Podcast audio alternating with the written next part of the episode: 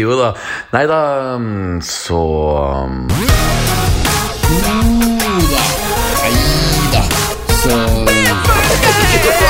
Nei da, så Ja, så ja, så.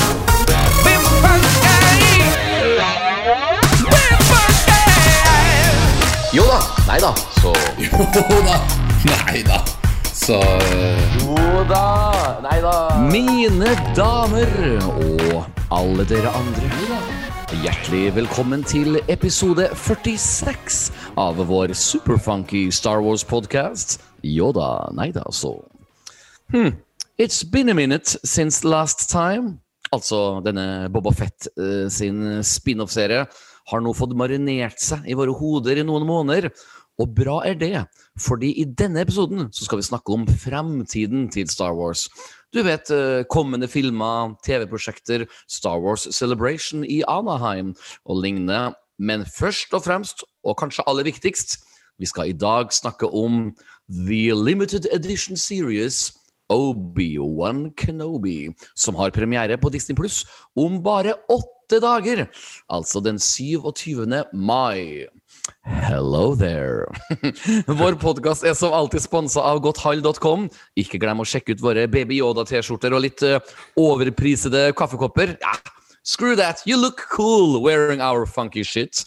And speaking of funky shit, min podkastpartner in Petty Crime er her ved min digitale side. So let's just get into it. Ønsk velkommen min bedre podkast-halvdel, Mr. Knut Løksen! Nydelig intro. Jeg har gleda meg til den her. da. Har- Takk, takk, Det er det jeg har gleda meg nest mest til i det siste. Kan du gjette hva den meste er? Kan det være Moonenight? I'm Jake Lockley. Ja, det var en bra Ja, ja, ja. slutt, for så vidt. Det var, det var en bra slutt. Det var en bra slutt. Um, Nei, du, det, jeg har ja. gleda meg veldig til denne dagen her. eh, Og jeg må si Kenobi er eh, Jeg har pumpa meg selv, jeg har juica meg selv full av nyheter de siste ukene. Det er liksom, Jeg er på steroider på kunnskap her nå. Og det, det er litt artig, for at det, det som du um, kanskje vet litt, Knut, men ikke vet supergodt, er jo at um, jeg og du har fått veldig mye fine tilbakemeldinger, uh, spesielt på to av våre tidligere podkaster. Jeg har nevnt det til deg en bisetting en gang, men jeg kan uh, si at vi har fått flere meldinger om at um, når jeg og du skulle forutse hva som kommer til å skje i The Bad Batch-TV-serien, Mm. så hadde jo, hadde jo vi laga en egen podkastepisode hvor vi gjetta hva mye av storylinen kom til å bli. Og vi, vi hadde faktisk overraskende mye rett. Og samme med den episoden hvor vi forutså hva Boba Fett kom til å handle om. Ja, det, det, jeg tok litt feil. Jeg trodde at Mace Windu skulle dukke opp. Jeg var faktisk overbevist på at Mace Windu skulle dukke opp, men bortsett fra det, så hadde vi også litt rett der. Så det jeg merker, er at våre seertall går faktisk litt opp på disse uh, førepisodene før en ny Disney Plus-serie. Så Ja. her er altså en, det her er en tradisjon vi absolutt må fortsette med. Uh, så, uh, men, men hva, hva tenker du om det, Knut? Er, er, vi flinke, eller har vi bare flaks når vi gjetter hva vi skal Jeg får litt sånn, eh, jeg får litt sånn Bård Gullet-vibber her, kjenner jeg. Bård Gullet! Yes, yes, yes. Det er litt sånn, vi har litt sånn premonitions, vi har litt force, vi klarer å forutse ting. Nei, men det, Ja. dette, er jo, dette er jo Jeg vil si at eh, det å spekulere i hva som kommer til å skje i en Star Wars-serie, det er noe av det morsomste jeg veit om. For det bygger forventninger, det bygger opp hype.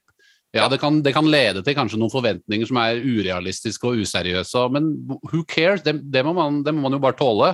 Og så får man heller bli overrasket over de tingene som ikke gikk den veien man selv trodde. Og hvis de Mm. tingene ble utført på en bra måte i serien, så, så pleier jeg som regel å bli veldig godt fornøyd. Og så blir jeg Ja. veldig fornøyd når jeg får rett i ting, selvfølgelig. Haha, Ja. Da er det liksom eh, Ja.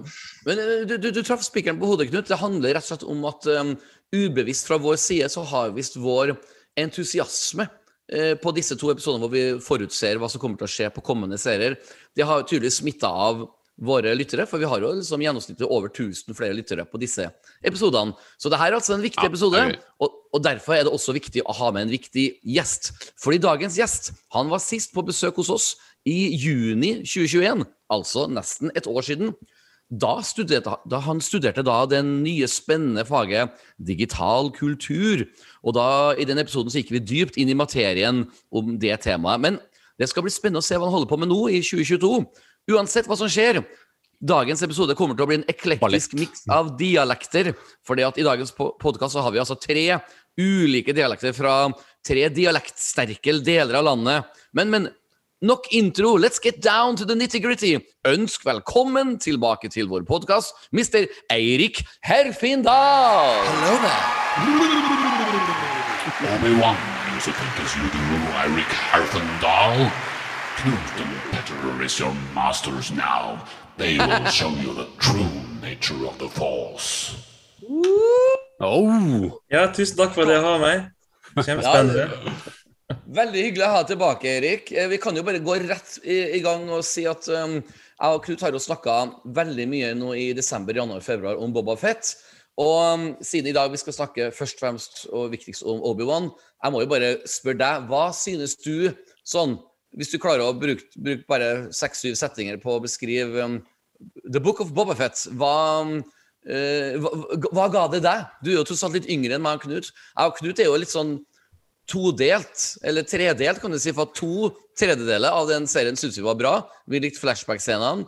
Vi likte på en måte um, Luke-scenene og Grogu-scenene, men vi, jeg og Knut følte jo liksom at um, nåtidsscenene var litt tynn, og det Moss uh, Espa Vespas uh, kollapsa fullstendig. Men litt ledende spørsmål, beklager. Men hva synes uh, du, Erik? Ja, altså, For å gi en kort oppsummering av Bobfest-serien altså, Det var jo eh, et par episoder som var veldig gode, et par episoder som jeg kanskje ikke klarte å følge like bra med på.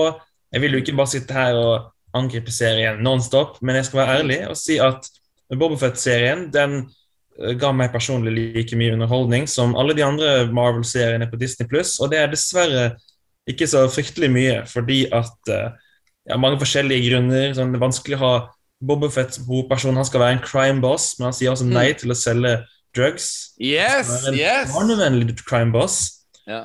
Og det er vanskelig å føle noe eh, spenning når alle bad guysene kan bli tatt ut på under ett minutt. Spoilers av én badass assassin så lett. Og jeg tror bare at um, serien den holdt, meg aldri på eh, you know, on the edge, for å si det sånn. Så jeg skal være ærlig og si at den var av og til et par episoder var veldig morsomme. Sånn, et par spesifikke som viste ja, ganske mye fanservice. Men utenom det så var jeg følte ikke at selve Bobafett klarte å bære sin egen serie, dessverre.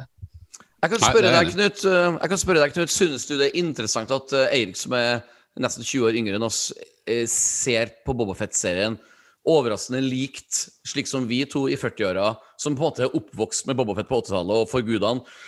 Syns du det er interessant at Eirik eh, har samme type konklusjon på serien? Nei, jeg syns ikke det er så veldig overraskende, for Erik er jo minst like reflektert, reflektert som meg og deg.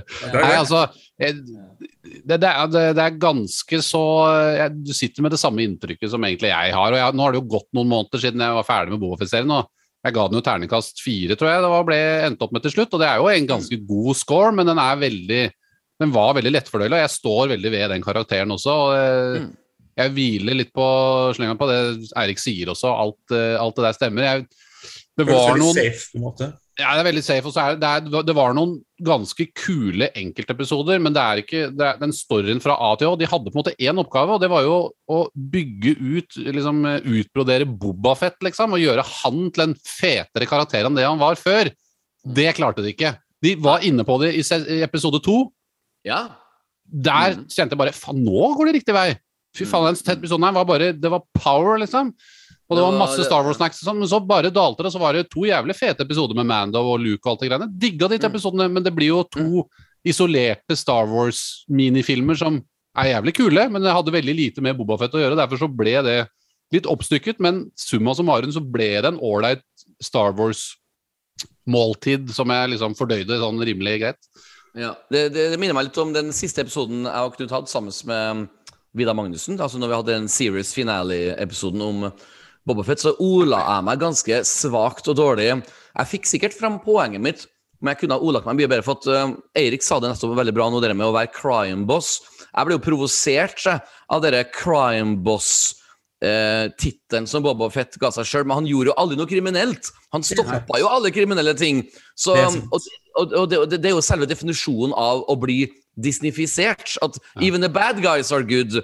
Og Boba Fett, hvis du er en crime lord, da må du iallfall hva, hva som er igjen da, hvis du ikke skal drepe folk, og hvis du ikke skal selge uh, spice, Er er det bare kidnapping og tortur som er igjen? Men han gjør, gjorde ikke det heller. Du skjønner hva jeg mener?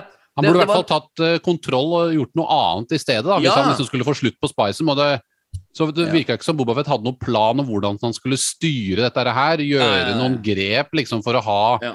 befolkningen Ja, litt under kontroll, liksom. Det føltes litt sånn improvisert på slutten av Mandalorian. Ja. Da tar Bob Fett over uh, Jabba Palace. Og man tenker oi, hvor, hvor skal de med det her? Og når serien faktisk begynner, da Ja. spør de fremdeles seg selv ja, hva, hva gjør vi nå? Og Bob Fett Ja. spør selv ja, hva gjør vi nå? Og jeg sitter her Ja. bare OK. Og, og, og Kanskje det var Dave Filoni som satt i Boba Fett-uniformen Ja, der og satt og tenkte hva faen er det, hva gjør vi nå? da? Nå sitter jeg her Ja. med kostyme. og- Og, for å paraphrase det siste setningen Boba Fett sier i siste episode, da sier han «Eh, 'Hva gjør vi nå?' Så kaster han et eple. Ja, ja, ja, ja. Det er jo det, ja. det er det det ender med. Nei, dette Ja. var ikke noe særlig, gutter. Nei. Dette livet er ikke noe for oss. Dette var kjedelig. Det skjønner jeg godt, du har jo ikke gjort noe spennende. Altså, Og så må jeg jo Ja, unnskyld. Jeg, tusen takk. for helt ærlig, jeg tror faktisk jeg ville foretrukket å ha en serie med Cad Bane, for han er jo faktisk en eh, Ja. killer. Å, Ja. ja, ja. Og Og han, ja. brukte ikke så veldig, veldig godt bruk av Cad Bane, spør du meg. Han er Introduksjonen hans var fet, men det var den. det som det endte med, var veldig underused. Altså, Ja, det var wasted, og jeg håper de enten bringer han tilbake, eller at han får noe mer screentime i Ja, fordi- andre serier. Boba Fett og Cad Bane de har historie. Sånn. Mm. Dessverre så ble jo disse Clone Wars-episodene aldri lansert, men etter det jeg har hørt, så skulle det visst handle om at eh, Cad Bane trener Boba Fett til å bli like god bounty hunter som faren. Og Cad Bane gjør det her, så han kan beseire Boba Fett og bevise at han er den beste. For Jango Fett hadde tittelen som den beste bounty hunteren. Det gjorde Cad Bane så sur at han skal da oppdra sønnen til å bli enda bedre, så han kan beseire han. Og gir han Ja. den denten i huet.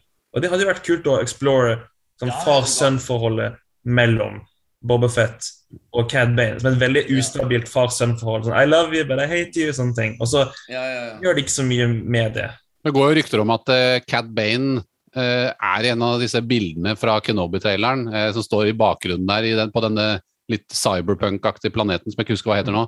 Uh, Ja, ja. Daimo eller noe sånt. Og den eh, Ja. eh, og det går også da, er det mange som spekulerte i at å ja, er det fordi at hun Reva sier at hun vil jo sende masse Bounty Hunters etter eh, Mhm. Obi-Wan, ikke sant? Så Mm. det er jo selvfølgelig en viss mulighet for at det dukker opp uh, Men de har jo slåss før. Ja, de har det, så kan hende de konkurrerer om å Det er flere Bounty Hunters som konkurrerer om å, å finne Obi-Wan. Vi vet jo at Forloom er der. Ser vi Ah. Mandalorian? Ja, ja, ja. Ja. Eh, En annen ting som er litt uh, vittig, er jo at um, Disney Pluss for noen få uker siden la ut en um, Behind the Mask, altså du vet sånn bakomscene for um, The Book of Boba Fett. Og jeg husker når den ble annonsert på Disney Plus, så tenkte jeg jeg er ikke helt motivert til å se den. Jeg er fortsatt litt, sånn, litt irritert over Ja, The. Book of Boba Fett. Men jeg så den så klart um, for to dager siden for å forberede meg til dagens podkast. Og da la jeg merke til to veldig interessante ting. Det ene er jo at Lucasfilm garantert um, er klar over de svakeste leddene med The Book of Bob Boba Fett. For de svakeste leddene, sånn som det å være crime lord og slike ting, blir ikke nevnt med et ord. Og så, når eh, det er igjen liksom ti sekunder av eh, den dokumentaren, så har vi ennå ikke sett noe til Moss Espa Vespas. Så vi ser dem i et sånn millisekund hvor vi bare får se deres mopeder. Ja. Og, og så de er tydeligvis litt klar har, har de eh, ikke vært klar over kritikken, så har de garantert fått tre minutter med tid i den dokumentaren, men det er null! Så Ja. det, det er kjempeinteressant. De, de, Lucasfilm følger med på hva fansen synes, og det er iallfall en bra ting. Man lærer av sine feil, og det er som vi alle vet, man lærer mer av sine feil enn det man gjør av ting man gjør rett. Så De går, eh, ja, det er, du har rett, i det, og de, og de, de går ikke ut og sier det, men, de, Nei, nei. men skjult så kan du forstå at de forstår det. Og det er litt det samme som eh, når eh, Kathleen Kennedy snakker om at eh, Ryan Johnsons eh, trilogi han er bare veldig busy og sånn. Det er en måte å enten utsette det på, eller å si at det ikke blir noe av uten å ikke si det. Og da hisser du ikke opp folk. Det er jo veldig mange som mener at Kathleen Kennedy må liksom må være mer på Twitter og holde på og diskutere, men, men hun, må på en måte ikke, hun må ikke vise noen svakheter, ikke sant? og det er nok litt uh, viktig. Ja, eh, Det er egentlig litt artig, for det kan egentlig være um, Jeg noterte meg en liten sånn manuskript i dag, og vi skal nå først snakke litt Star Wars-nyheter før vi da går dypt inn i Obi-Wan-praten. Og vi kan faktisk starte med den Ryan Johnson-praten. For jeg har, et sit ja, jeg har nemlig et sitat her, um, og det er um, eh, da er altså, det er veldig interessant egentlig, for at um, um, hun sier altså Kath- Kathleen Kennedy sier altså at Uh, it's on the back burned. So Ryan has been unbelievably busy with Knives Out, and the deal that he made with Netflix um, for multiple movies. Så det hun egentlig sier, som Knut nettopp egentlig så fint sa, at um, det her er en fin måte å si at It's never gonna happen. Eller hva tror du, Erik? Altså, jeg er tingen. Hun sier at den er on the backburner, ikke sant? Mm. Men den har jo vært on the backburner siden han ble ferdig med Last Jedi. Så for meg Mm. er det her en bekreftelse på at det ikke er kansellert, men at Ryan Ah. Johnson muligens kommer tilbake. Jeg sier ikke at han helt sikkert kommer tilbake. Det er jo alltid tøft å lage Star Wars, men Ja. jeg kommer, jeg kommer til å ha troen helt til den blir offisielt kansellert, fordi at han er jo Ja, faktisk, fordi han er busy med Knives Out. Knives Out 1 var en suksess, så mye at det har, det har blitt Daniel Craigs nye go to franchise. Mm. Mm. Daniel Craig liker franchiser hvor han ikke må risikere livet hele tiden, og det er Knives Out perfekt for det. Han får godt betalt. Netflix gir eh, Ryan Johnson masse penger, og jeg vedder på at det blir en liten Knives Out-trilogi på Netflix, og kanskje om fem år, når de endelig er ferdig med disse Who Done It-filmene, da kommer kanskje Ryan Johnson tilbake, hvis han fremdeles er i mør, og hvis ikke, så har jeg ingenting vondt med han selv, men jeg ville likt å se hva han gjør. For hans trilogi skal ikke ha noen ting med noen av karakterene, nåværende Ja. karakterene. Hans trilogi skal finne sted 1000 år før, så da kan ingen klage på at eh, han kan ødelegge noe for dem, for de fansene som ikke likte filmen hans. Men, men det er veldig artig, Erik. Unnskyld at jeg avbryter deg, Knut, før du skal prate om Jeg skal bare si en kjapp ting. for at um, Er det én svakhet vi, jeg og Knut har i vår Yoda Neida-podkast, så er det at vi alltid får så å si alltid får gjester som er enig i alt det vi sier. Men nå kan jeg endelig, etter 46 episoder, si at jeg er 100% uenig med deg, Erik. Og det er litt deilig, for vi har altfor lite debatter her i podkasten. Men grunnen for at jeg er uenig, jeg skal si det på en veldig hø- høflig måte, så klart, er at um, den um, t- tilbake... Den, den smellen som Ryan Johnson fikk som regissør for The Last Jedi i, i, inne i Star Wars uh, the community, er jo historisk stort. At jeg tror det er skikkelig, skikkelig um, eh, russisk rulett for Lucasfilm å gi eh, la, altså, til, til å la Ryan Johnson noensinne røre noe med Star Wars igjen. For at uh, det kommer til å bli så mye negativ uh, energi blant så mye uh, tilbakestående fans at jeg tror ikke Lukas vil se på det som at det er verdt det. Men før du skal forsvare deg, Eirik, Erik, hva mener du, Knut? Eh, Hvilken side er du på? Er du enig med Petter eller Erik? Jeg er litt enig i begge, fordi jeg tror at det blir en slags mellomløsning. Jeg tror at det blir litt sånn at de på en måte kommer til å komme litt sånne wishy-washy Det er utsatt, han er veldig busy-meldinger. Mm. Helt til de finner ut at Og de har kanskje funnet ut av det allerede, at det materialet han driver med, det er, det er på en måte ting, det er ressurser vi kan bruke. Kanskje vi slenger noe inn i det fra en av filmene, eller noe av det han har skrevet, inn i et annet prosjekt. Noen av ideene, noen av karakterene, eller whatever.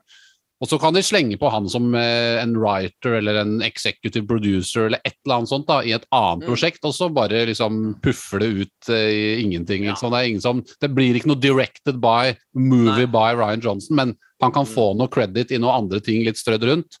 Eh, eller at det tar så lang tid at alle har glemt eh, Ryan Johnson. At eh, barnebarnet til Ryan Johnson lager en trilogi når vi alle er døde, liksom. Jeg har hatt et gammelt manus her. Junior, junior. Ja. Det er det jeg tror, da. Men jeg, jeg tror jo de, de, de bruker bare sånne unnskyldninger bare for å utsette liksom litt problemet. Men jeg tror de på en måte har latt han jobbe med det òg. Jeg tror de, de vet Han er jo en glimrende fyr.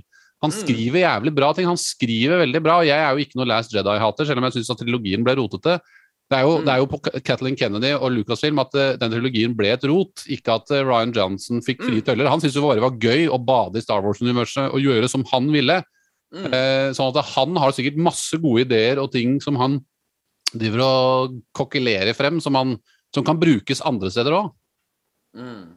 Mm. tror jeg.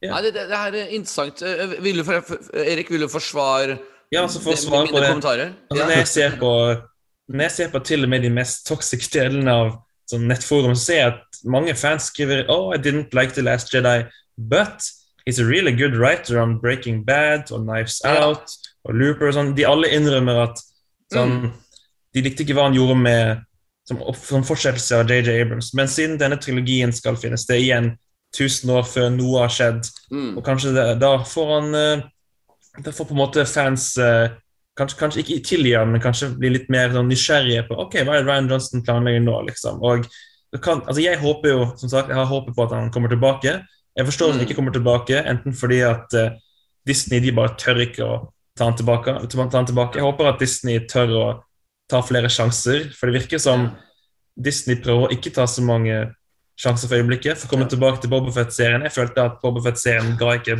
uh, Bobofet en særlig ark. Den Mm. pesta den ikke veldig hardt. Uh, Mm. Plottvisten og forutsigbare sånn, Ganske mye forutsigbart. Og Ryan Johnson er ikke forutsigbar. Så jeg håper at om Ja. fem til ti år, hvis Star Wars-fans begynner å bli lei massevis av om midt på treeren Star Wars-serier, så vil de kanskje Mm. ønske tilbake Ryan Johnson. Men som sagt, det er umulig å si, fordi det, Ja. kommer, det kommer til å skje om i hvert fall noen år til han er ferdig med Ja, ja. Rise-trilogien sin. Så vi får se. Ja, vi, ja, vi snakker garantert fem, seks, syv år frem i tid. Ja. Jeg kan bare komme med en liten digresjon.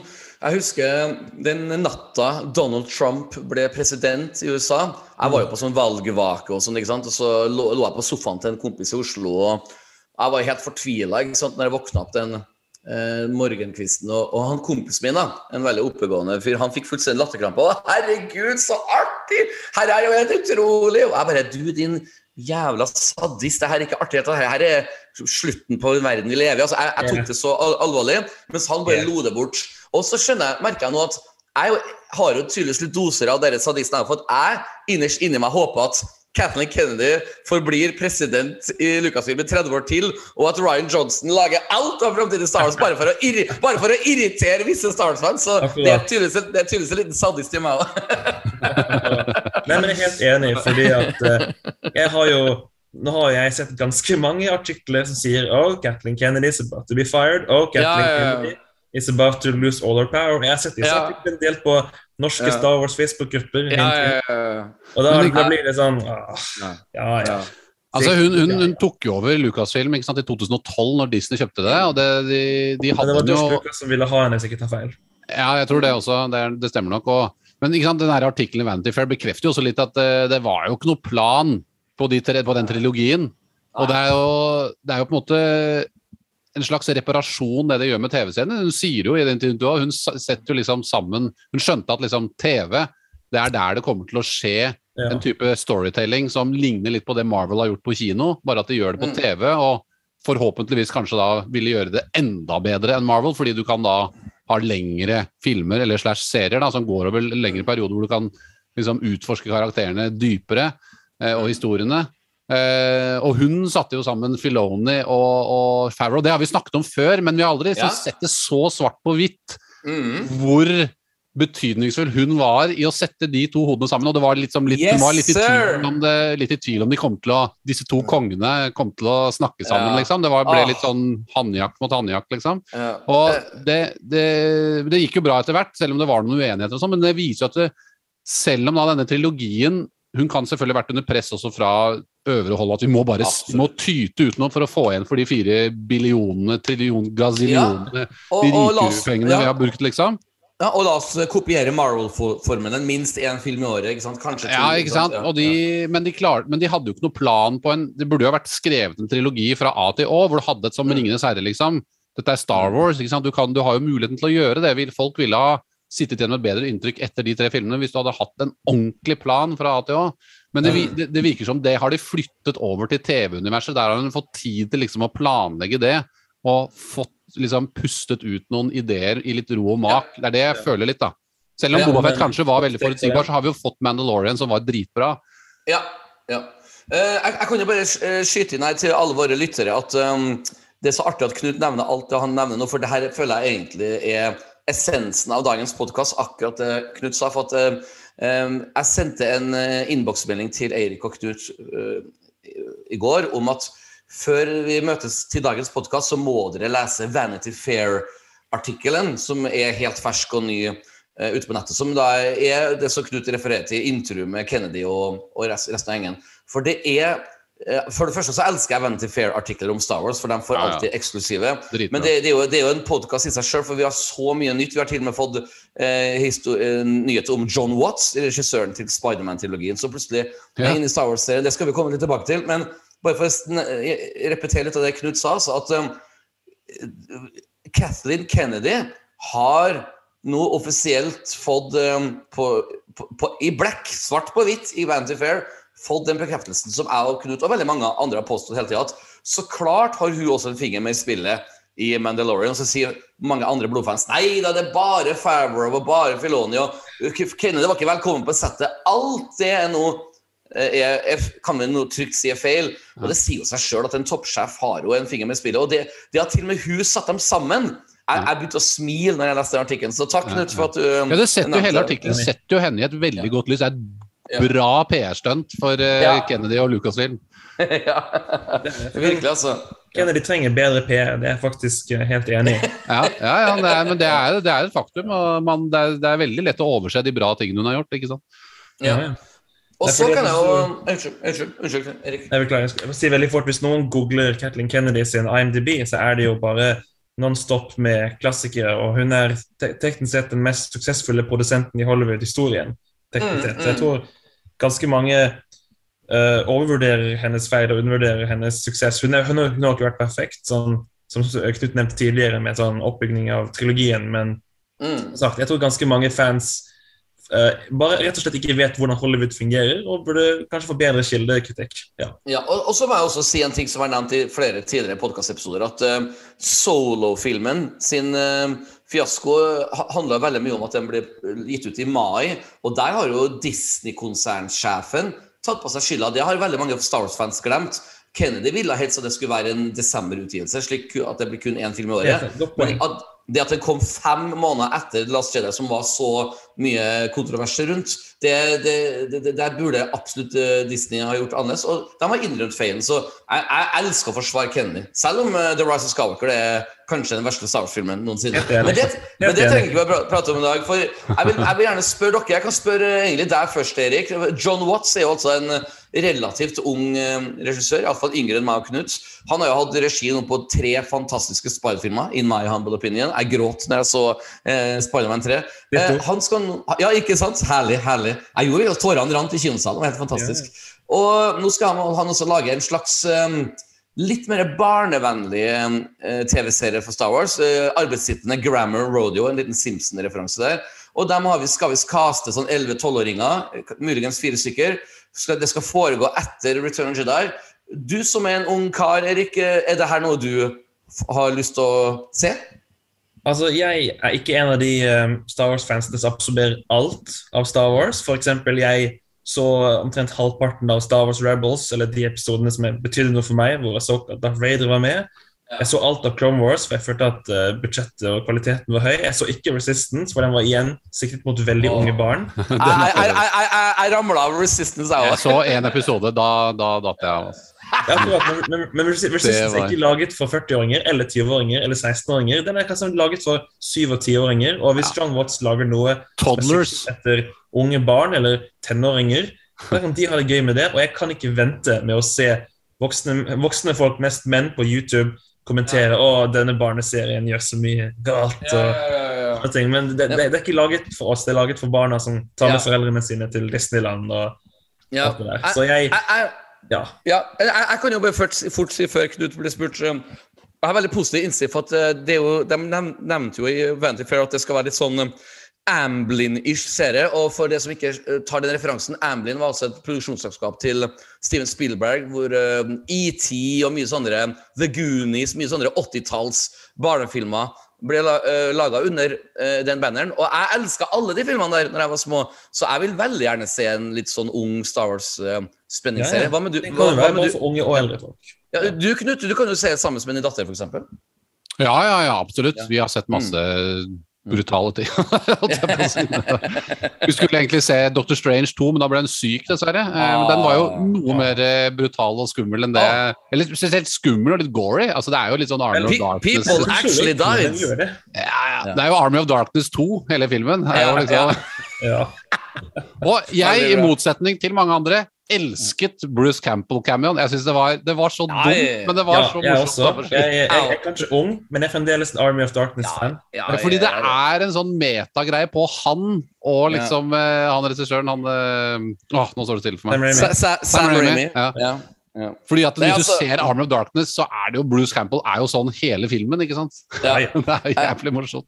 Eh, Til våre lyttere, vi altså har en liten eh, Doctor Strange 2-digresjon akkurat nå, og det er helt innafor, for at eh, jeg var i så ekstremt godt humør den dagen jeg så den på kino. Jeg så den så klart på premieredagen.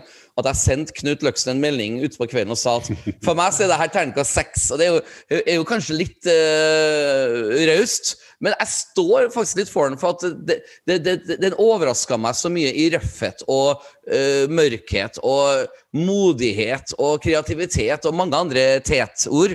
At jeg, jeg, jeg For meg så var- Altså, ja, jeg, jeg hadde jo så klart ønska at Tom Cruise skulle dukke opp som Iron Man i et parallelt univers, og jeg venta til og med litt på noen sånne overraskelser, men de overraskelsene som, som var, var bra nok for meg. Du vet når eh, eh, Xavier knokker nakken på Jeg lo høyt i salen og sånn. og så- sånn Uh, jeg sier navnet rett, ikke sant? Uh, han professoren. Professor. Professor X, ja. ja Charles Ja, Xavier. ja. Ja, ja, ja, bra at jeg sa navnet rett. Når han da blir knekt nakken på Jeg, jeg lo så høyt, for det var så mørkt og så uventa. Bare herregud, så jeg, jeg, Som vi har snakka om tidligere i podkaster, altså, jeg elsker sucker punch. Jeg elsker å bli få uventede ting. Og for meg så var Dr. Strange 2 bare en nydelig film. Selv om jeg føler at uh, Scarlet Witch var egentlig min favorittskuespiller i filmen. Ikke Ja, ja, ja. eh, Hun stjal showet. hun stjal showet, og hun er så bra. Jeg, eh, og og jeg, jeg nevnte tidligere også i podkasten at jeg elsker jo WandaVision. Det er fortsatt min favorittserie av alle MCU-TV-serier. Grunnen, grunnen til det er så enkelt som at jeg tenker fortsatt på WandaVision nesten daglig i hodet mitt. Den dukker opp liksom Og det, det kan jeg ikke si om Falcon og Winter Soldier. Der husker jeg så vidt på en uh, trøkkscene og noe flyging og sånne ting. Men iallfall, uh, Doctor Strange 2, for dere som ikke har sett det. Jeg anbefaler den veldig sterkt. Eh, Hva synes du, Knut, om Doctor Strange 2? Du er alltid i godt humør, Petter. Så det er, det er rart at ikke alle filmer får terningkast eh, seks, egentlig. Og egentlig over seks også. Eh, Du burde hatt sånne terninger som er sånn 1000 sider på, sånn at det er ikke mulig Ja, ja, ja. å eh, og- Men det er jo en film som på en måte Mm. til Altså, er du i godt humør og når du ser den filmen Jeg sier ikke at jeg ikke var det, men, Ja. men eh, kanskje litt mer grumpy kanskje var jeg enn deg. Men, men jeg For det er en ride, ikke sant? Det er en Ja. tur, det er en berg-og-dal-bane. Hvis du Ja. er i godt humør, så driter du i de der plotthullene og de tingene de, Ja. som de hopper litt bukk over her og der. Ja, Og det hang jeg- Det hang Nei, ikke sant? Ja, Hvis du sitter der og trykker godteri og popkorn inni deg og bare Ja. For det er en visuelt meget eh, kreativ film. Og det er noen eh, interessante liksom, tvister twister og svinger som går uventede veier, da. Eh, ikke alltid skjønner man helt hvorfor, og hvorfor skjedde det, og hvorfor har de ikke forklart noe som burde ha blitt forklart. Eh, Ja, litt, litt sånne ting. Eh, Mm. men, eh, men jeg syns jo det var en bra, solid film. Jeg, liksom, eh, absolutt. Kanskje en svak femmer, noe sånt Ja. noe. Ja. Det er der, der ligger liksom. Altså, eh, for å kommentere veldig fort Jeg likte veldig godt filmen. For meg er det en svak femmer, sterk femmer. Jeg har ikke helt bestemt meg, for jeg så den jo Mm. litt nylig. Men jeg syns den var veldig god, og en av mine, en av mine hovedgrunner til at jeg likte den så godt, er fordi den føles så altså Ikke originale, for den er som Marvel-filmene, føles så skapt av en regissør sitt den, ja, perspektiv. Ja. Og det er noe Ja. vi trenger mer av i Marvel. Fordi mange folks Ja. yndlings-Marvel-filmer er de som faktisk står ut fra resten av filmene, hvor regissøren får bare ja, gi litt faen. Som Taika Waititi sin To Ragnarok, Ja. eller James Gunn sin Guardians. Sånn, eller Don't, don't, don't get me started on Ragnarok. That's, that's a masterpiece. That's a fucking masterpiece. fordi Men ja. den nye, den nye Thor-filmen, den nye, nyeste Thor-filmen, Thor 4, den Mm. kommer også ut på min bursdag, så jeg føler at da må jeg jo se den premieren, selvfølgelig. ja, ja, ja. Ja, ja, så jeg er veldig hype for den. Så jeg håper virkelig at um, Disney ser responsen til denne Marvel-filmen og tenker wow, folk liker at you know, Sam Raimi sin uh, fotavtrykk eller håndavtrykk er liksom av hele filmen. La oss Ja. gi regissører enda mer frihet til å gjøre hva du vil, og ikke være så redd for sånn fan-backlash. fordi at ja, så Jeg vil ikke binde alt tilbake til Last Jedi hele tiden, men jeg vil Nei, bare at flere Star Wars-prosjekter og flere Marvel-prosjekter skal få lov til å you know, prøv å ta nye sjanser. Ja. Få lov til å puste litt. Ja, jeg, jeg, jeg og Knut er 100% enig. Da kommer vi litt videre. Før vi begynner å snakke om Over-One, så har jo også kommet litt Andor-nyheter. Tony Gilroy, som dere vet, um, skal um, være liksom um, hoved... uh, Ja, hva skal jeg si Kunstnerisk leder der. Og The, Journey of a Migrant, som da blir uh, opplever livet med The Empire. Og da, da første jeg tenker på, sånn jeg lukter litt sånn eh, at Russland er The Empire og The Rebels i Ukraina. Altså at eh, life imitates art, på en måte. Altså, det er jo laga så klart før Ukraina Vladimir Palpatin. Ja, oh. Men jeg, jeg må si altså veldig kort at det, det lille jeg har fått noe vite om Andor, og det at uh, uh, de, de, skuespillerne som allerede har blitt annonsert der, altså, det virker veldig lovende. Og de hinter veldig ja. til at dette er sesong én som kommer, så det, det, er veldig tydeligvis at det kommer en sesong to også av Andor. Det er bekrefta? Det er vel ja, nærmest bekrefta? Ja, ja, ja, de skal begynne å spille den inn i november, tror jeg. Wow. Ja. For, for iallfall det som jeg skal si til dere, at det ser ut, om jeg har forstått alle nyhets... Uh, svarene i Vanterfair er riktige, så det kan hende at allerede i slutten av august i år så kommer Andor. Det er, jo, det er veldig kort tid til, men, ja, ja. Eh, men eh, la oss si slutt av august, tidlig september. Da, så, da er vi bedre med på med Andor. Da, det er jo så mange episoder. Uh, Knut, har du noen tanker om Andor før vi Nei, jeg, Alt virker veldig lovende. Jeg digger alt jeg har hørt om showet. Eh, det, har, mm. det, er eh, nei, Diego Luna fra Narcos, fantastisk mm. skuespiller. Mm. Tony Gilroy som tok over eller som rewrita en del på Rogue One, og ryktene yes. sier at han også basically regisserte mye av disse rewritesene også. Mm, Selv, det er mm. ikke liksom bekrefta, men mye, av ryktene sier det. da. Og mm. han, han, har de da gitt tillit til å på en måte fortsette Rogue One-greia inn i denne Andor-serien. og Tony Gilroy selv eh, ringte vel eh, Diego Luna mens han satt i en bil, eller hva det var for noe. liksom, Are you with me on this? liksom? Yeah. Let's risk our lives for Andor, mm. liksom. Det var, det var, liksom litt den stemningen der da, i den artikkelen. Ja. Uh, så det syns jeg var veldig, veldig fantastisk. Og så syns jeg ja. det er bekreftet eh, at det kommer en sesong to, de har også sagt at det sannsynligvis blir tre sesonger. Oh. Kuttet ned fra fem, noe som jeg også syns er bra, fordi at ja. jeg vil ikke at de skal vanne ut for mye. Det er så mye for historier og så mye serier de skal lage at jeg vil, at, jeg vil, helst ikke at de skal vanne ut ting med mye episoder som låser kanoen i en eller annen retning. sånn at de må, Da kan vi ikke mm. gjøre det i den andre serien. Ja. Type greie, ja. da, så Jeg vil heller se en, eh, en serie som er mer konsis og full av juice i tre sesonger. Ja, ja. Eh, og så er jo Stellan Skarsgård, og vi har det er rykter om Kenobi dukker opp her. Kanskje Wader, jeg vet ikke. Det, de kjører. og, og, og Mon Mothma er, Mon Mothma er bekrefta. Bale Organa kommer sikkert til å dukke opp. Garantert. Hva med du, Erik? Er det her også noe du også gleder deg til? Okay, la meg si det slik. Uh, når jeg først hørte om Andor-serien, tenkte jeg Nei, hva faen? ja, det, ja, det tenkte jeg. Ja, ja, han, han, side, han, er en, den nest største karakteren i en spin-off-film hvor alle døde. Han, han, skal få sin egen serie? Så jeg, jeg skjønte ikke helt hvorfor, fordi hans historie ble på en måte lukket. Og jeg skjønte ikke hvorfor ja. hele tiden bringer tilbake døde karakterer og gir dem origin stories. Men ja. jo mer jeg leser om serien, jo mer hype blir jeg. Jeg ser ganske mange skuespill med, ganske mange karakterer. Jeg er sikker på at hver episode kommer til å ende med en liten cameo. Ja. Og, og, så er det jo, og så sier jo også artikkelen, som også syns jeg er veldig interessant, eh, det er jo at det skal visst starte på Andor sitt fødested. Så det vil jo si at vi får et flashback fra han er barn, altså et eller annet sted under kanskje klonekrigene. I've been, fuck, I've been fighting in this rebellion since I was 12! Han sier ja. det, vet du. Ja, ja, ja. Og ikke sant, Det kan jo hende at det var ikke noe rykter om at eh, familien hans var separatister, f.eks. Så kan jo være republikken komme og ødela så han er, han, har, han, er, han er, litt sånn nihilist-type. Går fra det til å bli liksom en, en, en fyr som ofrer seg for rebellene. Eh, ikke sant? Eh, så det er jo en ja. interessant reise der. Så jeg liker alt det jeg hører om ja. karakteren foreløpig, ja. også med det talentet som er involvert, så, så kan det jo ikke gå galt. Nei, det, det, det er veldig positivt. Også, vi må også si at uh, numbers speak. Rogue One tjente over en milliard dollar, altså one billion dollars at the box office. Så det er jo på en måte interesse rundt de karakterene i Rogue One. Det, det må, må, ikke vi glemme. Så, det, så, så det, det, money speaks, og da er det på en måte Money talks er kanskje Og det er jo det som, som Eirik sier, jeg også tenkte det samme. Andor-serie. Ja. Andor, liksom. Kondor ja. tenkte jeg på. Det er, ja, Andor. Sånn. Men, men også liksom har jo karakteren vokst og vokst i folks uh, bevissthet, ikke sant? Uh, ja. ja. Og i altså Bare den hypen rundt showet og Jeg har jo dette, jeg har han selvfølgelig i sånn figur i dette spillet mitt, liksom. Og der, ja. er han jo veldig kul. Han er veldig gøyal å spille med, for han har veldig mye kule egenskaper og gadgets.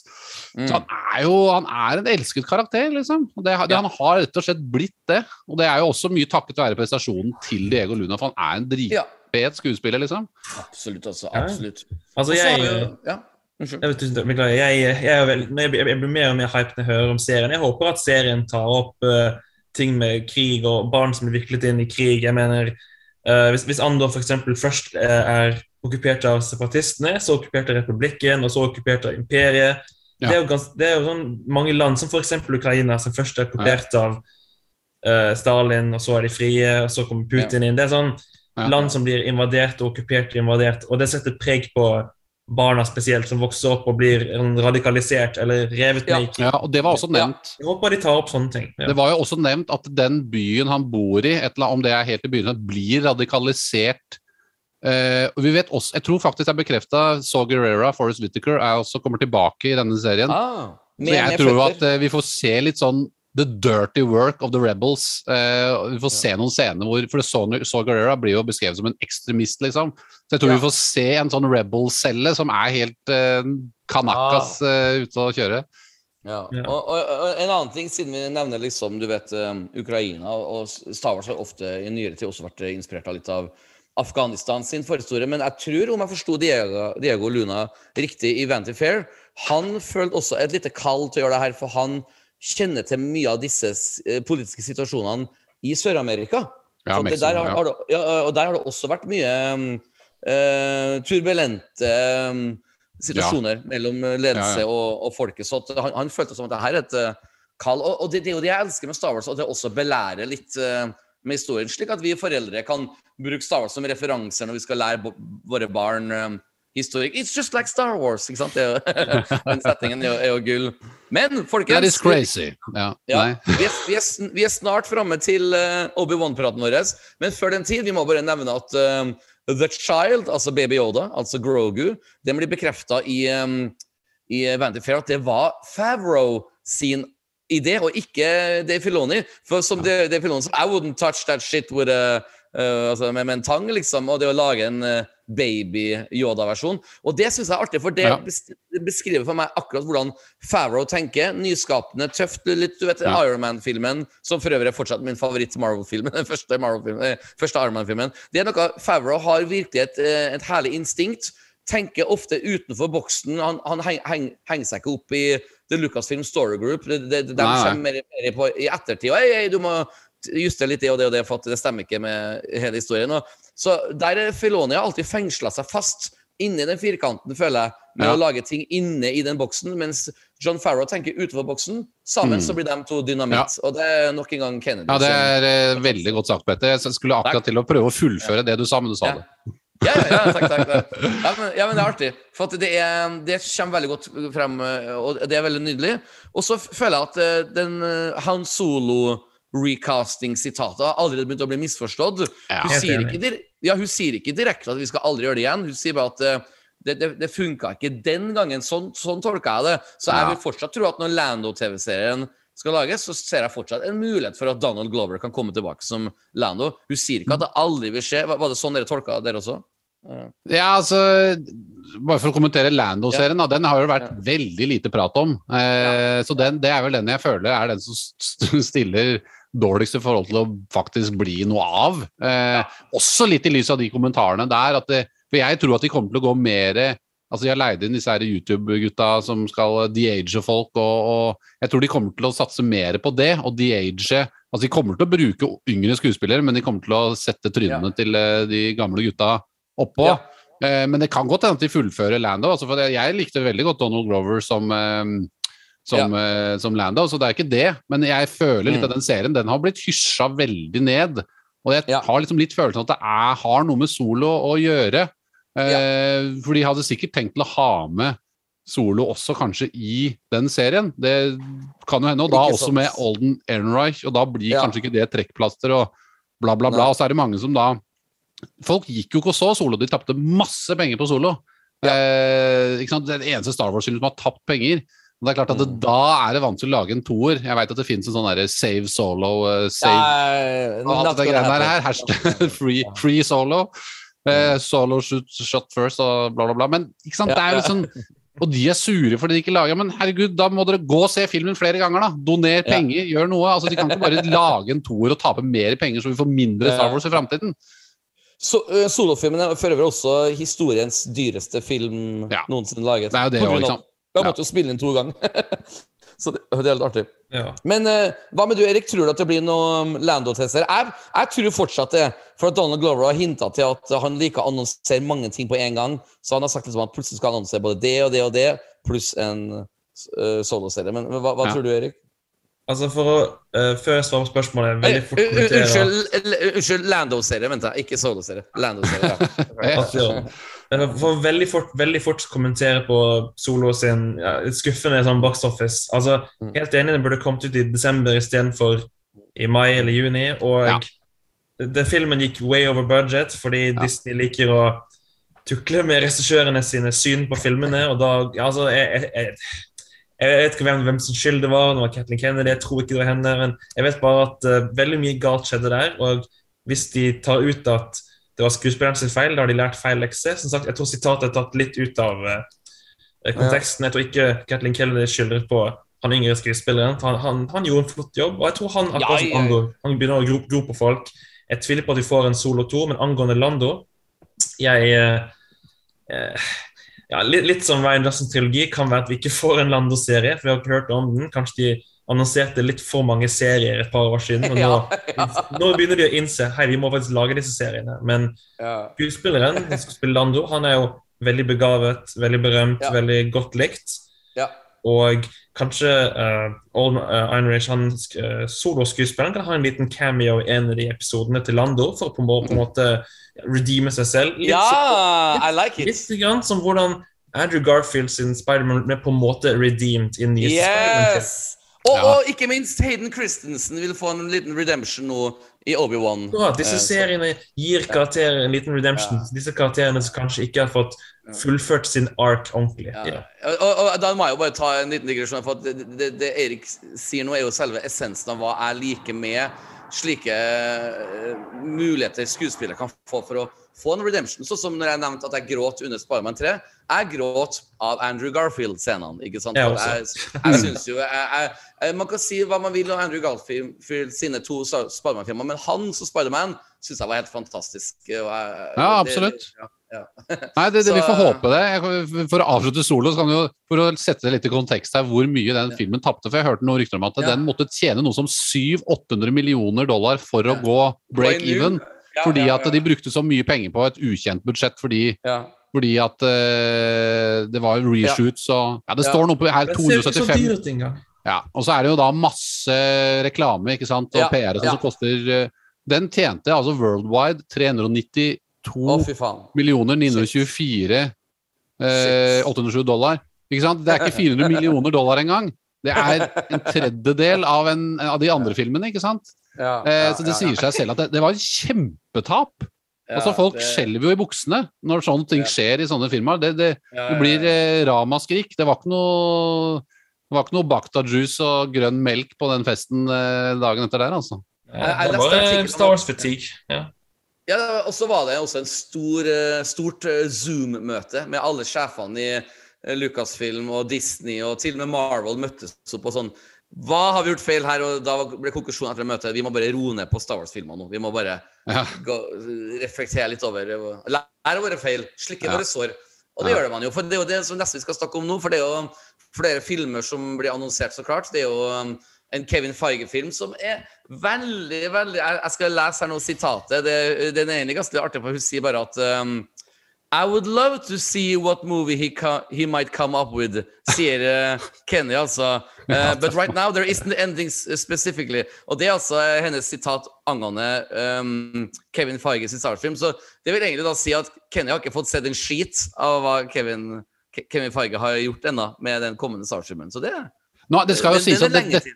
dette intervjuet er selvfølgelig sikkert et måned gammelt, eller Ja. noe sånt, vil jeg tro. Ja. For det har jo vært Ja. de siste ukene så har det vært masse Ja, snakk det har det. rundt den Kevin Feige-filmen, og det ble liksom nærmest bekrefta at han jobba med den, og den var moving forward og Ja, ja. Du- Så du det er jo, dette, her var, dette her var liksom litt midt imot. Det er egentlig Ja, nylige nyheter, da. Bra observert, Knut. For det var til og med han eh, som skrev, var med og skrev Doctor Strange 2, som skal være med og skrive eh, den Kevin Feige i Star Wars-filmen. Ja, men vi vet ikke hvem som skal regissere den, da. Eh, nei, det, får jeg lov til å det gjette? Skal jeg gjette? Ja. Jeg gjetter dattera til eh, Ron, ja. Ja, Bryce ja, Dallas. Ja. Ja, jeg, jeg tipper Bryce Dallas. Jeg gjør det. Det kan jo også hende at den, for Kevin Feige, skal han skrive den, eller skal han bare produsere den? Han skal produsere. Hvis, hvis jeg skal gjette, så tror jeg det produserer. Ja. Og så nevnte du en som skulle skrive den. Sa du Ja, han som, han som var med og skrev um, Doctor Strange 2 sammen med Sammy Ramy. Han, Ja, eh, riktig, ja, stemmer det. Det var det der. Oppdrag og, ja. mm. Så, så det ja. ja, ja, ja, det her er gode nyheter. Og så ser det ut som også at Patty Jenkins-filmen er, er på vei, og, men den som skal komme først al- Altså Rogue Squadron er den eh, Patty Jenkins-filmen, men den som skal komme først, er tydeligvis Taika Watiti-filmen. Ja. Og da kommer vi inn på Star Wars Celebration, som er også bare om uh, en uke. Og det er jo det at uh, jeg tror kanskje vi får litt uh, nyheter om den filmen eh, da. Eller, vil det å, uh, forstyrre Obi-Wan-fokuset? Hva tror du, Knut? Ja, det er så mye ting, Alt vil jo forstyrre hverandre her. Her er det jo så mye ting Ja, å ta tak i at uh, det, jeg tror ikke de kommer til å sky vekk fra det. Jeg tror uh, Ja. Jeg tipper jo at uh, Taiko Titi kommer til å komme ut på scenen. Han er jo en fargeklatt, og han har akkurat nå gjort uh, Thor Love and Thunder, og han har jo aldri skuffa Yes. på noe jeg har sett. Jeg har sett mye. Han har gjort Mandalorian-episoden, han har gjort Thor Ragnarok. Ja. What, What We Do In The Shadows er jo helt latterlig morsom. Latterlig bra. bra. som Ja. han spiller i selv. Jeg har Ja. aldri sett noe han har gjort som ikke puts a smile on my face, for å si det Ah. sånn. Altså, det er Mannen har veldig mye energi i kroppen, og alt det bare pøses ut på lerretet.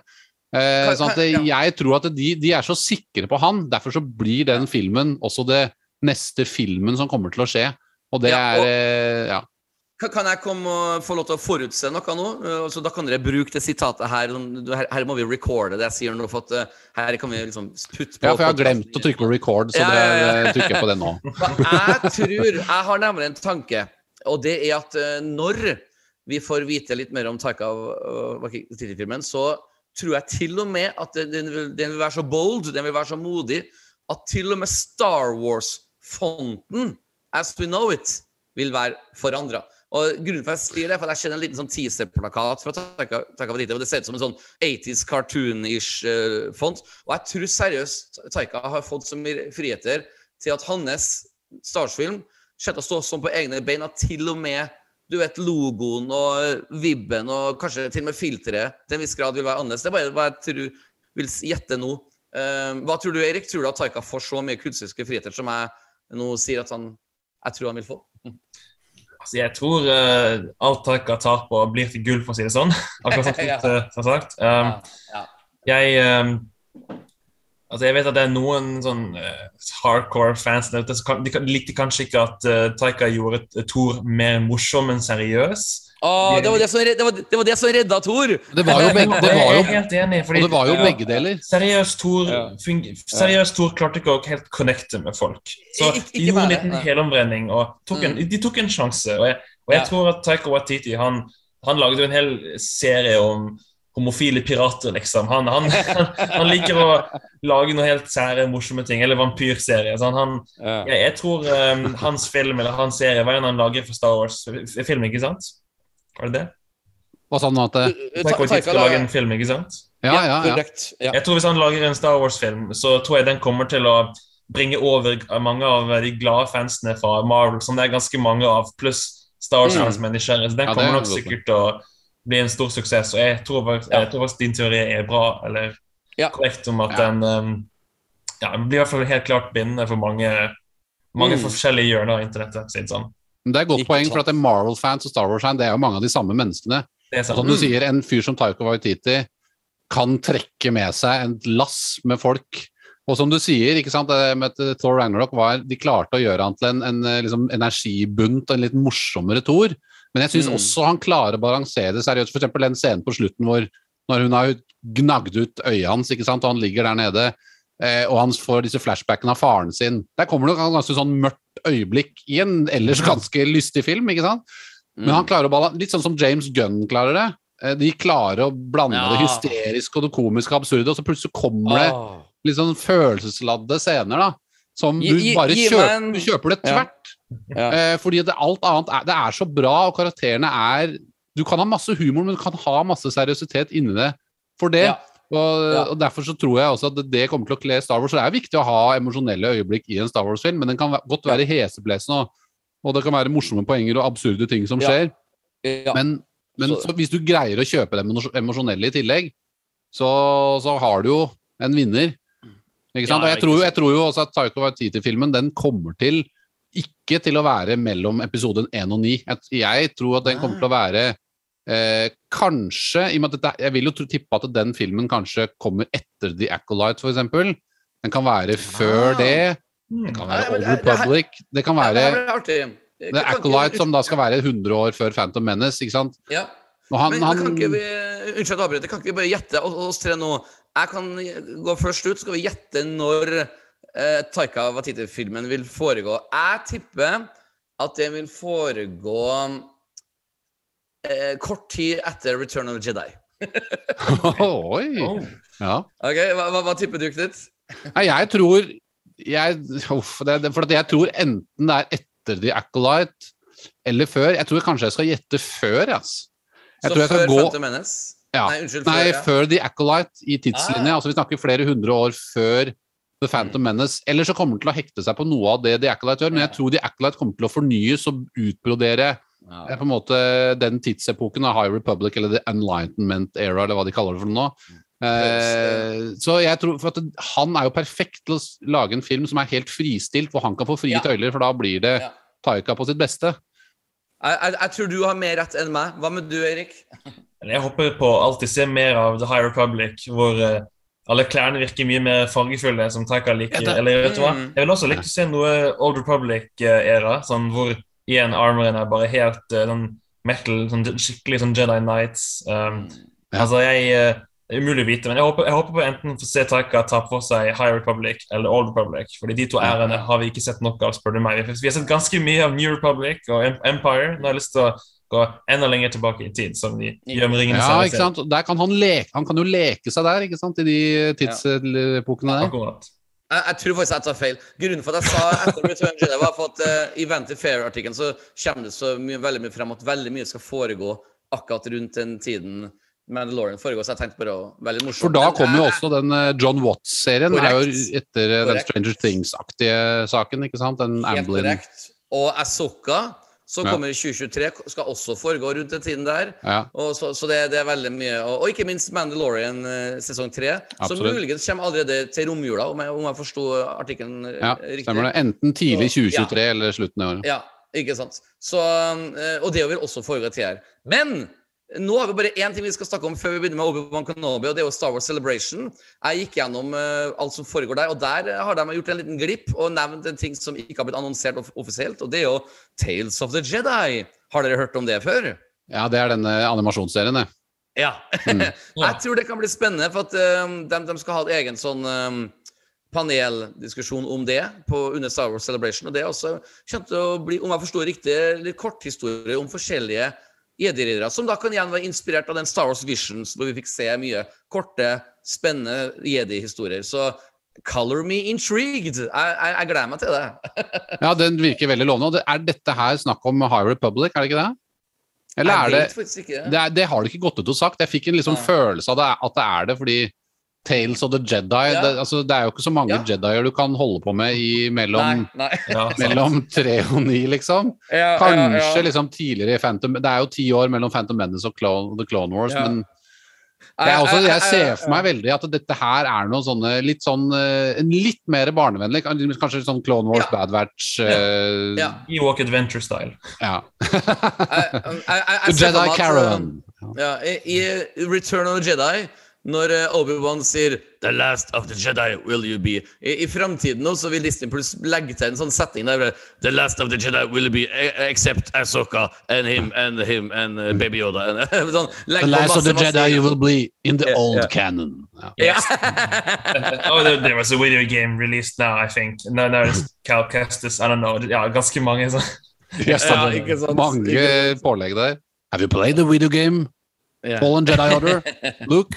Ja. Verdens største apostrof. Ja.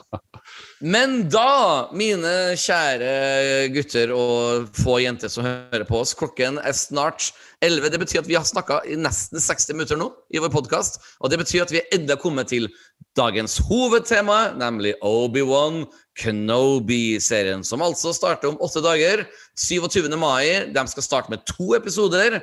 Så vi kommer til å få veldig mye spennende. Jeg er veldig frustrert at jeg fikk vite i dag at barnehagen er stengt 27. mai. Det er en sånn innklemt dag, så jeg må også se Obi-Wan Kenobi med en femåring i fanget, og det det, sånn er det bare.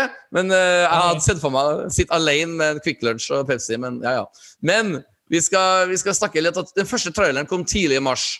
Og wow, Knut Løksen, hva, hva, hva, hvor skal man starte hen? Vi, vi ser jo en ung Luke. Man bør starte der. Jeg likte. Hva syntes du? Nei, jeg digga den traileren. Jeg syns den var Ja. kjempebra. Den, eh, den Ja. ga ikke så veldig mye bort av plottet. De har gitt ut to trailere nå. De har ikke kommet Mhm. med noe TV-spots. Det er noe behind the scenes, noen intervjuer og sånn med Evan. Det kom et nytt etter i går, faktisk, med Ja. Evan og Moses og, og, og, og Anakin, holdt jeg på å si. Altså Hayden. For, for, for, for våre lyttere som lurer på hvem Evan er, så mener han altså Ewan McGregor. Ja, ja. Even. God gamle Even. Nei, jeg, jeg syns jeg syns de trailerne har vært eh, Altså, trailer nummer to viste oss bitte litt mer kontekst av historien. Ja. Noen replikker og noe Og de går veldig for den derre Jediene er jo egentlig basically som jøder. De blir forfulgt, eh, de er undertrykt. Det er eh, Imperiet jakter dem, men altså in- inkvisitørene, da. The Så, Inquisitors. så, det, så det, det du egentlig sier nå, at alle jøder er jedi-riddere? Ja. ja, det ligner jo litt, det ordet òg. Det har jeg aldri tenkt på, faktisk. Men ok. Jø- jø- jø- Jødi. Jødi-ridder, ja. Altså, Imperiet bruker jo stormtroopers. Det er liksom, Metaforen er jo litt lost der. Å, det er veldig, veldig bra sagt, Erik. Det, det, Herregud. det, det, det.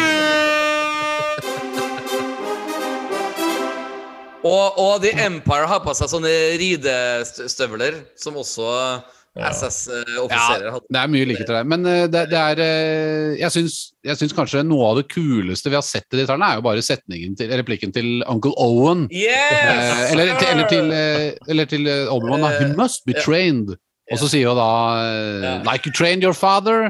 Ja, Ikke sant? like Det er bare, I like uh, his, his father. Bitch Ja. slapper. Oh, sick burn! Sick burn! Ja. sick burn. Men du, ja, det, den, den er veldig, veldig bra. Og jeg, jeg kunne bare si da at han skuespilleren, altså han Joel Edgerton um, Nå skal jeg være litt sånn filmnerd da, og si at um, allerede i um, 2005, når jeg så Revenge of the Sith, så var jeg faktisk klar over den skuespilleren sin eksistens, for han hadde gjort mye tøffe ting i Australia og New Zealand og sånne ting.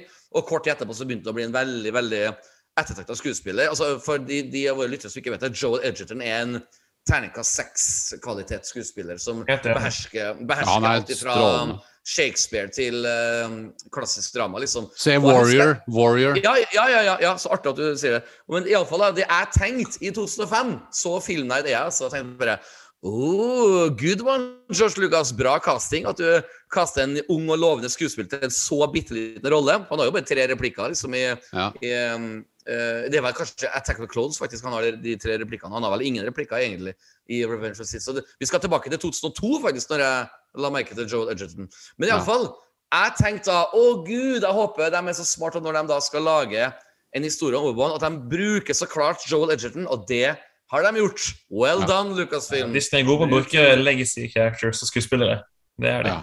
Og det gjelder jo så mange. Ikke sant? Det er en riktig tidsperiode i forhold til alder, i hvert fall sånn mer eller Ja. mindre, og det er det jo for Hayden og for Evan. Even. Ja, ja, ja. Det, er, det er liksom Det er så mange sånn lightning in the bottle-greier her som ligger Ja, til rette ja. for at dette her på lik linje med Andor blir en kanonserie, og, og trailerne Ja. gjør så mye bra. De viser jo oss ikke Vader ordentlig. De hinter litt med pustingen i første traileren, og så er det det de liksom spinner videre på i neste trailer, er liksom at de, han eh, blir eh, assembled, altså montert, liksom. Som jeg stusser litt på. Det har jo gått rykter om en sånn at, det, denne serien får niårsgrense. Det var snakk om det. Og så ser jeg den scenen hvor han blir montert, liksom. Du ser jo liksom den brente huden og robo... Liksom. Det er litt sånn eh, Robocop-stemning her, Ja. liksom. ja, ja. Eh, det er jo ganske Hvis den har niårsgrense, så er jo det altså, mye drøyere enn det vi har sett egentlig f.eks. i Bobafett som hadde tolv. Altså, jeg skjønner, skjønner ikke helt den greia. der. Nå er, er vel ikke det helt bekrefta ennå, og det kan jo kanskje gjelde forskjellig age-rating på forskjellige episoder. da. Kan det være noe der. Men eh, for jeg tror jo Vader kommer til å dukke opp. Eksempel den scenen vi ser i traileren, i trailer nummer to, det er noe jeg har litt følelsen av vi kommer til å se som en sånn slutt, nesten som en end credit scene i episode to, for eksempel. Ah, ja, ja, ja, ja.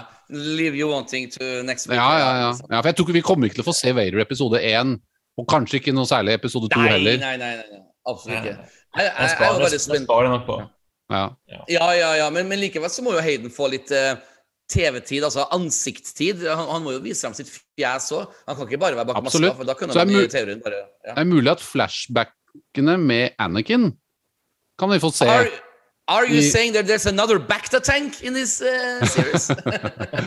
Ja, eller jeg tror de flashback-scenene For det kommer det til å bli. Det er jo ikke helt bekrefta ennå, men, men at vi får Nei. se Anakin Skywalker jeg, tror, jeg har en teori da, om at eh, Reva Det er helt tydelig at hun er en viktig karakter i denne serien. For at det, alle intervjuer er med de tre. Det er Moses Yes. Ingram, Evan McGregor og Hayden. Ja. ja. Og jeg tror, jeg, Det kan godt hende at flashbackene kommer til å ha noe med henne å gjøre også. Og et eller annet mellom, eh, mellom eh, da Anakin og Obi-Wan og Reva, som da sikkert har vært Ja. en tidligere Jedi, og hvorfor hun faller til den mørke siden. Kanskje Anakin Ja. hadde noe å gjøre med hennes turn. Kanskje det skjer noe før Revenge of the Sith, eller rett etterpå, eller et eller annet som har noe med henne å gjøre. Og Obi-Wan kanskje kjenner til henne fra før av. Så det er liksom eh, Det er mange muligheter der, og jeg, jeg tror folk eh, altså Det kommer til å havne hovedsakelig om Obi-Wan og Vader, men jeg tror hennes historie har noe å si for hva deres motivasjon og hvorfor de Altså Det kan hende at hun turns good, for alt vi vet. liksom At hun Kan jeg få lov til å si noe kontroversielt? Jeg må nesten beklage litt på forhånd før jeg sier det. For at eh, slike tanker eh, passer kanskje ikke inn i en podkast som Star Wars, og vi har jo unge lyttere. Men jeg frykter Nå er jeg veldig ærlig, altså. Ja. Jeg frykter, etter å ha sett eh, promointervju og sånne ting, jeg frykter at Reva kommer til å bli ræva. Al al altså, altså det, det jeg egentlig prøver å si, er at um, jeg er redd for at hun kommer til å ta for mye TV-tid. At vi som Star Wars-fans skjønner si ja, men gi oss litt mer Obi-Wan, gi oss litt mer Aiden Christensen, så er plutselig hun som får eh, 25 minutter med reise inni en TV-serie hvor vi klør i magen vår. Så, men faen, altså, vi vil jo heller se de to hovedgutta. For jeg, var, jeg er litt skeptisk, for hun får så mye PR-tid sammen med Hayden og Ja. Ewan. Og jeg tenker oh shit, altså, hun dama heter Moses Ingram. Hun er en dyktig skuespiller, så klart. Men hun har også gått ut og sagt at hun har null peiling på Star Wars, har aldri vært Star Wars-fan. og det, har vi snakket om tidligere i podkast, det har egentlig ingenting betydning. for Nei, nei, absolutt ikke. Men jeg føler, jeg føler sånn Å, det her kan bli sånn nytt sånn hatobjekt à la hun eh, asiatiske dama i um, hun Rose, vet du, i, i um, The Last Jedi. Og jeg, jeg håper at det er feil, men jeg har en sånn rar magefølelse som jeg må dele med dere. Og det er at jeg er redd for at hun kommer til å få litt for mye screentime. Hvor vi kommer å sitte og tenke å her burde vi heller hatt eh, 20 minutter med Hayden Christensen-dialog og Ewan McGregor-dialog. Eh, Er det bare jeg som tenker sånn, Knut og Eirik? Jeg kan spørre deg, Knut, først, siden du er eldst. Um, Tenkte tenk, du litt når du så alle pressegreier, at hun får like mye Hun sitter jo i stolen sammen med Juel Ja. og Hayden. Vi, Ja. Ingen er nysgjerrig på hun Nei, men, men, men vi, ja, men jeg, vi må bare hold your horses litt her. Jeg, Ja, jeg, jeg ja. har tenkt den samme tanken som deg, og det har veldig mange gjort. Ja. Men jeg har nok trukket litt tilbake på det. Altså, pust nå, Knut. Pust. Ja. Ta litt, ja, ta litt yoga nå, tenk på Reva. Og liksom, for det, vi, vi snakker om seks episoder her, som sikkert som det ryktes en time, 45 minutter, jeg vet ikke. Jeg håper ikke det er korte 30-minuttersepisoder. Nei, nei, nei. Og, og at du har tre hovedkarakterer i en, eh, i en, eh, i en så i, i. La oss seks timer, da. Det er ikke så veldig mye, egentlig. Altså du har, Når du har hatt intervjuer med Rise of Skywalker eller eh, Ja. Force of Awakens eller eh, Last Jedi, så er det mange flere som er på disse her intervjurundene. Så hun er bare én ekstra. Det sier egentlig ikke noe om at det blir veldig mye mindre Hayden og Nei. Evan enn det vi tror. Basert på de intervjuene. Men, men, du har tenkt litt det samme som jeg Ja, altså, jeg, jeg tenk, jeg, selvfølgelig, jeg, er jo redd for at det, Men, men at én person ekstra har mye screentime på seks timer, betyr ikke nødvendigvis 100% sikkert at vi får lite med Obi-Wan. Altså, hun kan ha en ordentlig story på sidelinjen her. Altså, I i, i, eh, i originaltrilogien så har du jo Luke, du har Han Solo, du har Leia, du har Darth Vader, du har delvis Palpatine. Du har mange karakterer som har en lang ark, liksom. Så det er ikke noe problem å flette inn en ark til, til Reva. Spørsmålet er jo om det er gjort bra, om den storyen er noe Ja, vi kan kjøpe. Jeg, Jeg- tror det kommer til å, jeg tror det, det må nesten Jeg er nesten sikker på det, at det kommer til å være noe tilbake til Clone Wars eller Revenge of the Sith. Hvordan hun Ja. blir går fra Jedi til en Inquisitor. Hva Ja. som har gjort at han gjorde det. Det kan være et Ja. Hun har hatt en feide med Jedi. Kanskje det er en Jedi Master som har mist... Nei, ikke, herregud, ikke misbruk, men altså Som har, som har som har eh, vært eh, stygg mot henne, eller jo, at hun har blitt Ja. brutalt opplært av noen. Kanskje Ja. Obi-Wan gjorde noe eh, dumt. Kanskje Anakin Kanskje du ikke vet at Vader Ja. er Anakin. Kanskje Anakin gjorde. Altså, det, det er mange intriger her som kan spille inn på det. Kanskje hun turns good på slutten. Det, det er jo selvfølgelig en litt sånn klisjégreie i Star Wars at uh, bad guyen blir snill, men, men Ja. samtidig så kan det jo være noe interessant de kan få ut av det. Eh, så jeg Mm. håper jo bare at hun ikke er kasta inn der bare for at vi må ha en kul karakter. Eh, Ja. Men i det minste, alt det jeg har sett av henne, er jo at hun er en bra skuespiller. Hun ser badass ut. Og det er, Ja. ingenting, det er ingenting jeg har sett som bekrefter den lille frykten jeg har liksom litt i bakhodet der, liksom. Jeg kan spørre deg, Erik, siden vi er inne på samme tema. så Opprinnelig skulle Obi-Wan-serien spilles inn mange mange måneder tidligere enn den til slutt ble spilt inn. Det var jo fordi at eh, de måtte skrive om hele manuskriptet for at egentlig skulle Darth Maul være med og slike ting. Men nå har altså da Reva kommet inn, og ikke minst Darth Vader var en veldig viktig ting å få inn som opprinnelig ikke var med. Hva tror du, Erik? Tror du at uh, Reva kommer til å innfri, eller er vi, ser vi foran oss en framtidig kvasirasistisk Rose-reprise her i Star Wars' uh, patetiske fanbase-univers? Altså, jeg har allerede begynt å se noen ganske upassende tweets og Facebook. Har du det? Har de, du det? fra de, men det her er fra de verste hjørnene, ikke fra sånn generell Star Wars-fanbase. Ja. Men fra de verste hjørnene av fanbasen så har jeg allerede sett bilder av denne reva Ikke, ikke- ræva, men ræva. Prøver å si det riktig. Vi vet forresten etternavnet hennes også, faktisk. nå. For hun, hun røpet det i det intervjuet som kom i går. Ah. Er det Hun, ikke Nobi? hun heter Nei, nei ikke, ikke, si, ikke si la meg gjette! Skywalker! Nei, hun heter faktisk Hun har nytt fornavn. Hun heter helt ræva. Nei, nei, hun, er hun heter Reva, Reva Sevander. Sevander. Sevander. Ok. Ok, men da sier jeg Sevander, for jeg er redd for å si ræva hele tiden. ja. Men for å gjenta meg selv, Sevander Jeg tror hun kommer til å gjøre en flott jobb, fordi at alle, ser, alle i traileren og alle ser ut til å gjøre en flott jobb. Regissøren er en veldig utmerket regissør som har jobbet med mye bra. Og jeg tror at hun kommer til å gjøre en god jobb. Jeg tror ganske mange kommer til å ville savne Hayden Christensen, men han skal jo mest sannsynlig kunne være med et par episoder, og da må du ha en ny karakter. Vi liker jo når nye karakterer kommer inn i Star Wars også. Det er jo Mm. mange som ikke liker nye karakterer og heller vil fokusere på det gamle, men ja, jeg tror også Ja. at hun kommer til å få mye hat bare for å være uh, mørkhudet kvinne. Altså, Ja. litt, litt, litt som hvordan um, Jeg får litt flashbacks til den uh, James Bond-filmen hvor det var rykter om at en, en ny James Bond skulle være en mørkhudet kvinne, og det var jo selvfølgelig ikke sant. Nei, nei, nei. Og, altså, ja, apropos ting som ikke er sant, jeg hørte rykter om at Darth Maul aldri skulle være med i Obi-Wan-serien. Ah. Er Noen, noen behind the scenes sa at det ikke var sant, så jeg vet ikke Ah. hvorfor de reshottet alt. Jeg vet ikke hva det originale skriptet var. Jeg vet bare at det var skikkelig mørkt. Jeg håper at denne Ja. serien fortsetter å være mørk, men ikke Ja. for mørk, fordi at igjen, det er for barn. Men det, jeg håper at det er liksom episode tre mørk, når Revenge of the Sith mørk, for å si det sånn. ja. Mm, Men mm. jeg tror hun kommer til å gjøre en god jobb. Ja. Deborah Chow er jo det rette valget her. ikke sant? Hun har regissert noen av de beste Mandalorian-episodene. Og alle intervjuer jeg har sett med henne, alt hun sier og alt hun på en måte Hvordan hun reflekterer rundt Star Wars, hvordan hun reflekterer hvor- Ja. rundt Lauren. Måten hun virker som hun er ydmyk, respekterer. Hun, hun øh, øh, gikk alltid til Filoni for å spørre om canon-ting. Altså Dette er ting Mm. som er totalt motsatt av det jeg følte med f.eks. Rise of Skywalker, hvor, Ja, ja, ja, hvor eh, storygroupen nærmest eh, blir myrdet, liksom. De, De, de fikk ikke komme inn døra. Nei. Liksom. De får ikke være med på julebordet, liksom. Og det, det er liksom litt sånn Derfor så syns jeg at det, som i likhet med Andor, jeg liker alt jeg hører, og alt jeg ser rundt hvem som er casta, eh, regissøren eh, Også han som er kreditert som, eh, som eh, writer på dette her. Så han har også veldig mye bra i, i bagasjen. Så det er, Mm. det er liksom eh, Det er veldig lovende, og jeg tror Ja. at vi må bare liksom trekke oss litt tilbake og eh, Ja. Reva det er veldig, Obi-Wan og, og Darth Vader slash Anakin er jo det bankende hjertet i Star Wars på mange måter, Ja. sammen med Luke, kanskje.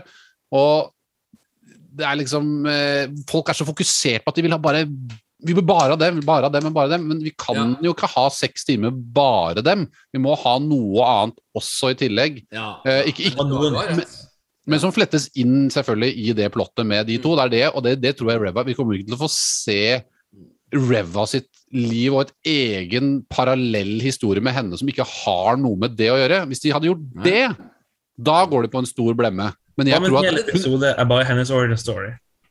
Ja, ikke sant? Ja, men, ja, men, jeg, jeg, jeg, nå kjenner jeg faktisk at jeg er glad for at jeg våga å ta opp det. For at eh, det, det, vi, vi, bare, bare om en uke nå så skal vi se de første to episodene. Ja. Da får vi svar på noen av de tingene vi Ja, vi gjør jo det, ikke sant? Og inkvisitørene kommer jo til å dukke opp i ja. sannsynligvis episode én. Det, det vil jeg absolutt tro. Og- og de, det- ja. Og det bringer meg til vårt neste tema. Her, er det absolutt mest nerdete temaet jeg skal ta opp i dag. Skjemmes litt over å ta det opp nok en gang, men eh, jeg må bare være ærlig og si at eh, med en gang jeg så den første traileren i mars eh, 2022, første jeg tenkte var det som ble den store YouTube-snakkingen. Og da begynte jeg å le for meg selv, for jeg trodde jo at jeg var den eneste som kom til å tenke det her. Og det er jo så klart at han ene inquisitoren som er med i traileren, som er en spesiell rase Og da jeg så den traileren for aller første gang, så tenkte jeg hm, hodeskallen var litt lav. Og, og jeg begynte å le da når jeg så på forum etterpå at alle sammen kommenterer at den hodeskallen var faktisk lav. For dere husker jo den, den That Species er jo med i um, eh, Revenge of the Sith, og da har den mye høyere hodeskalle. Så jeg må jo spørre eh, dere to, er dere ikke like stor nerd som meg som la merke til det, eller la dere bare merke til klaginga etterpå? For jeg virkelig tenkte på det alene på, foran min Macbook. liksom, at, Oi, den hodeskallen var jo skremmende lav. Men Eirik, du tenkte på det, du også? Ja, jeg la merke til det, for den arten er jo berømt for å være veldig høy og tynn, spesielt på fjeset. Og, og ja, i episode tre så har de jo en sånn Ja. prosthetics på fjeset som får det til å se helt utrolig ut. Og jeg, jeg tror ikke at han ser dårlig ut her nødvendigvis fordi at de er late eller har ikke like stort budsjett. Jeg tror bare da, jeg, jeg tror at grunnen til at um, hans fjes ser litt mer vanlig ut i Obi-Wan-serien, er rett og slett fordi han skal gjøre masse actionscener. Og Ja. da er det vanskelig å ha på vel helt sånn annerledes um, den maske. Jeg, jeg, jeg Ja, håper det er derfor, ja. men jeg hadde jo selvfølgelig satt mer pris på om det var litt mer lower accurate, men jeg føler Ja, at for vi- jeg vil, jeg vil ikke nitpikke for mye på detaljer, fordi at uh, det tar liksom vekk fra you know, storyen. Men nitpicking er er dessverre mitt mellomnavn. Så jeg må bare spørre deg, vi har- sett den speciesen her også i eh, anima animasjon. Og da får vi også se den store hodeskallen. Og jeg føler jo, nå- nå må jeg virkelig beklage til våre lyttere, men når hodet ble så lavt, så først jeg tenkte på Oi, er han litt sånn Har han noen sånne syndromfeil? Skulle du si? Altså, det var sånn, eh, sånn eh, Han har ett kromosom. Ja, Did you know that the Grand Inquisitor only has one chromosome? ja. Det så bare feil ut. Eh, Tenkte du også på det, Knut? Eller er du så kul at du bare så forbi det? Det er jo stort sett bare i Star Wars dette her kan skje, at man sitter og diskuterer sånne ting. selvfølgelig, Og det må Ja. jo selvfølgelig de skaperne tåle, og det er bare, dette er bare morsomt. Ja, Eh, Men ja. sant, når du, skal, når du en Når du skal gå inn med en karakter som bare har eksistert i animasjon, så for det første så er jo det litt vanskelig. Han har jo et, han har jo et hode som ingen skuespillere eller mennesker i denne verden har.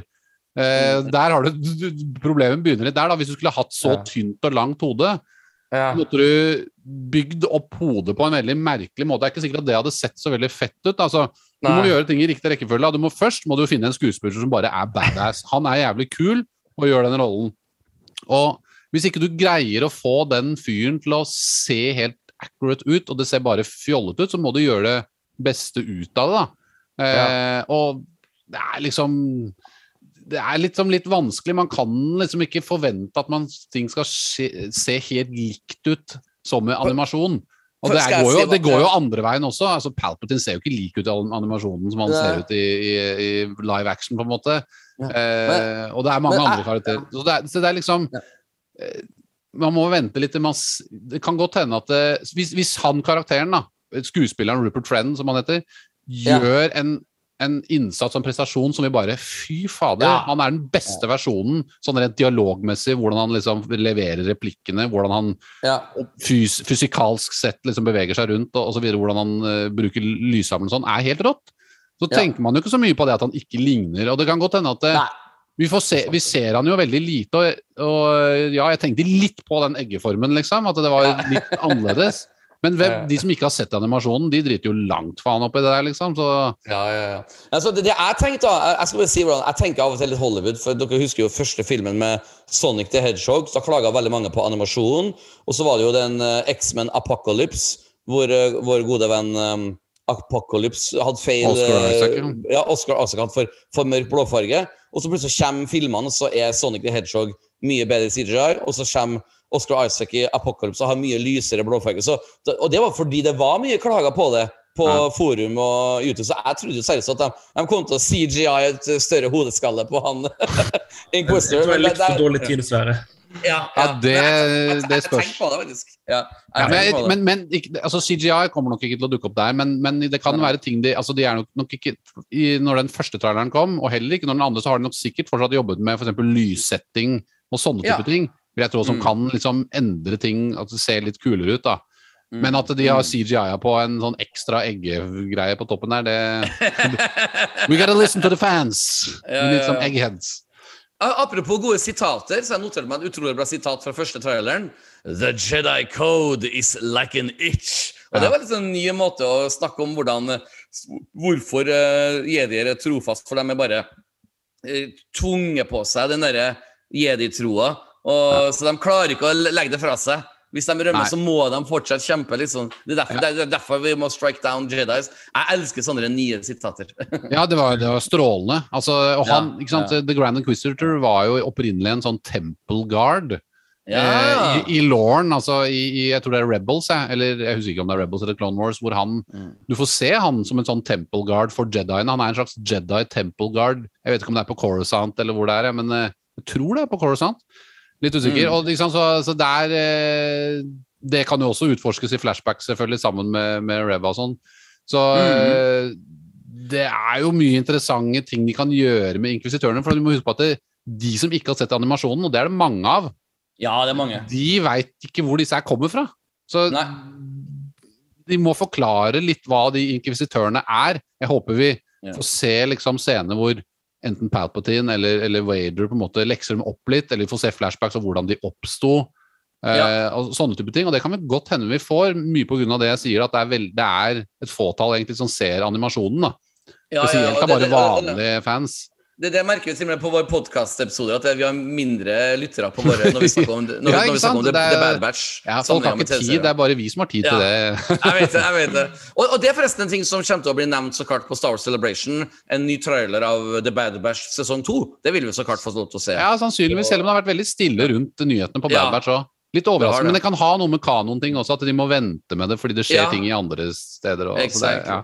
Jeg har gjort litt litt nerd-research da, angående Inquisitors. Dere, um, det slottet de bor i, heter for The Fortress Inquir Inquisitorius. Og den er ja. ja in- Sorry, Inquisitorius. Og den, den er på en av månedene til Mustafar, som heter for Nur.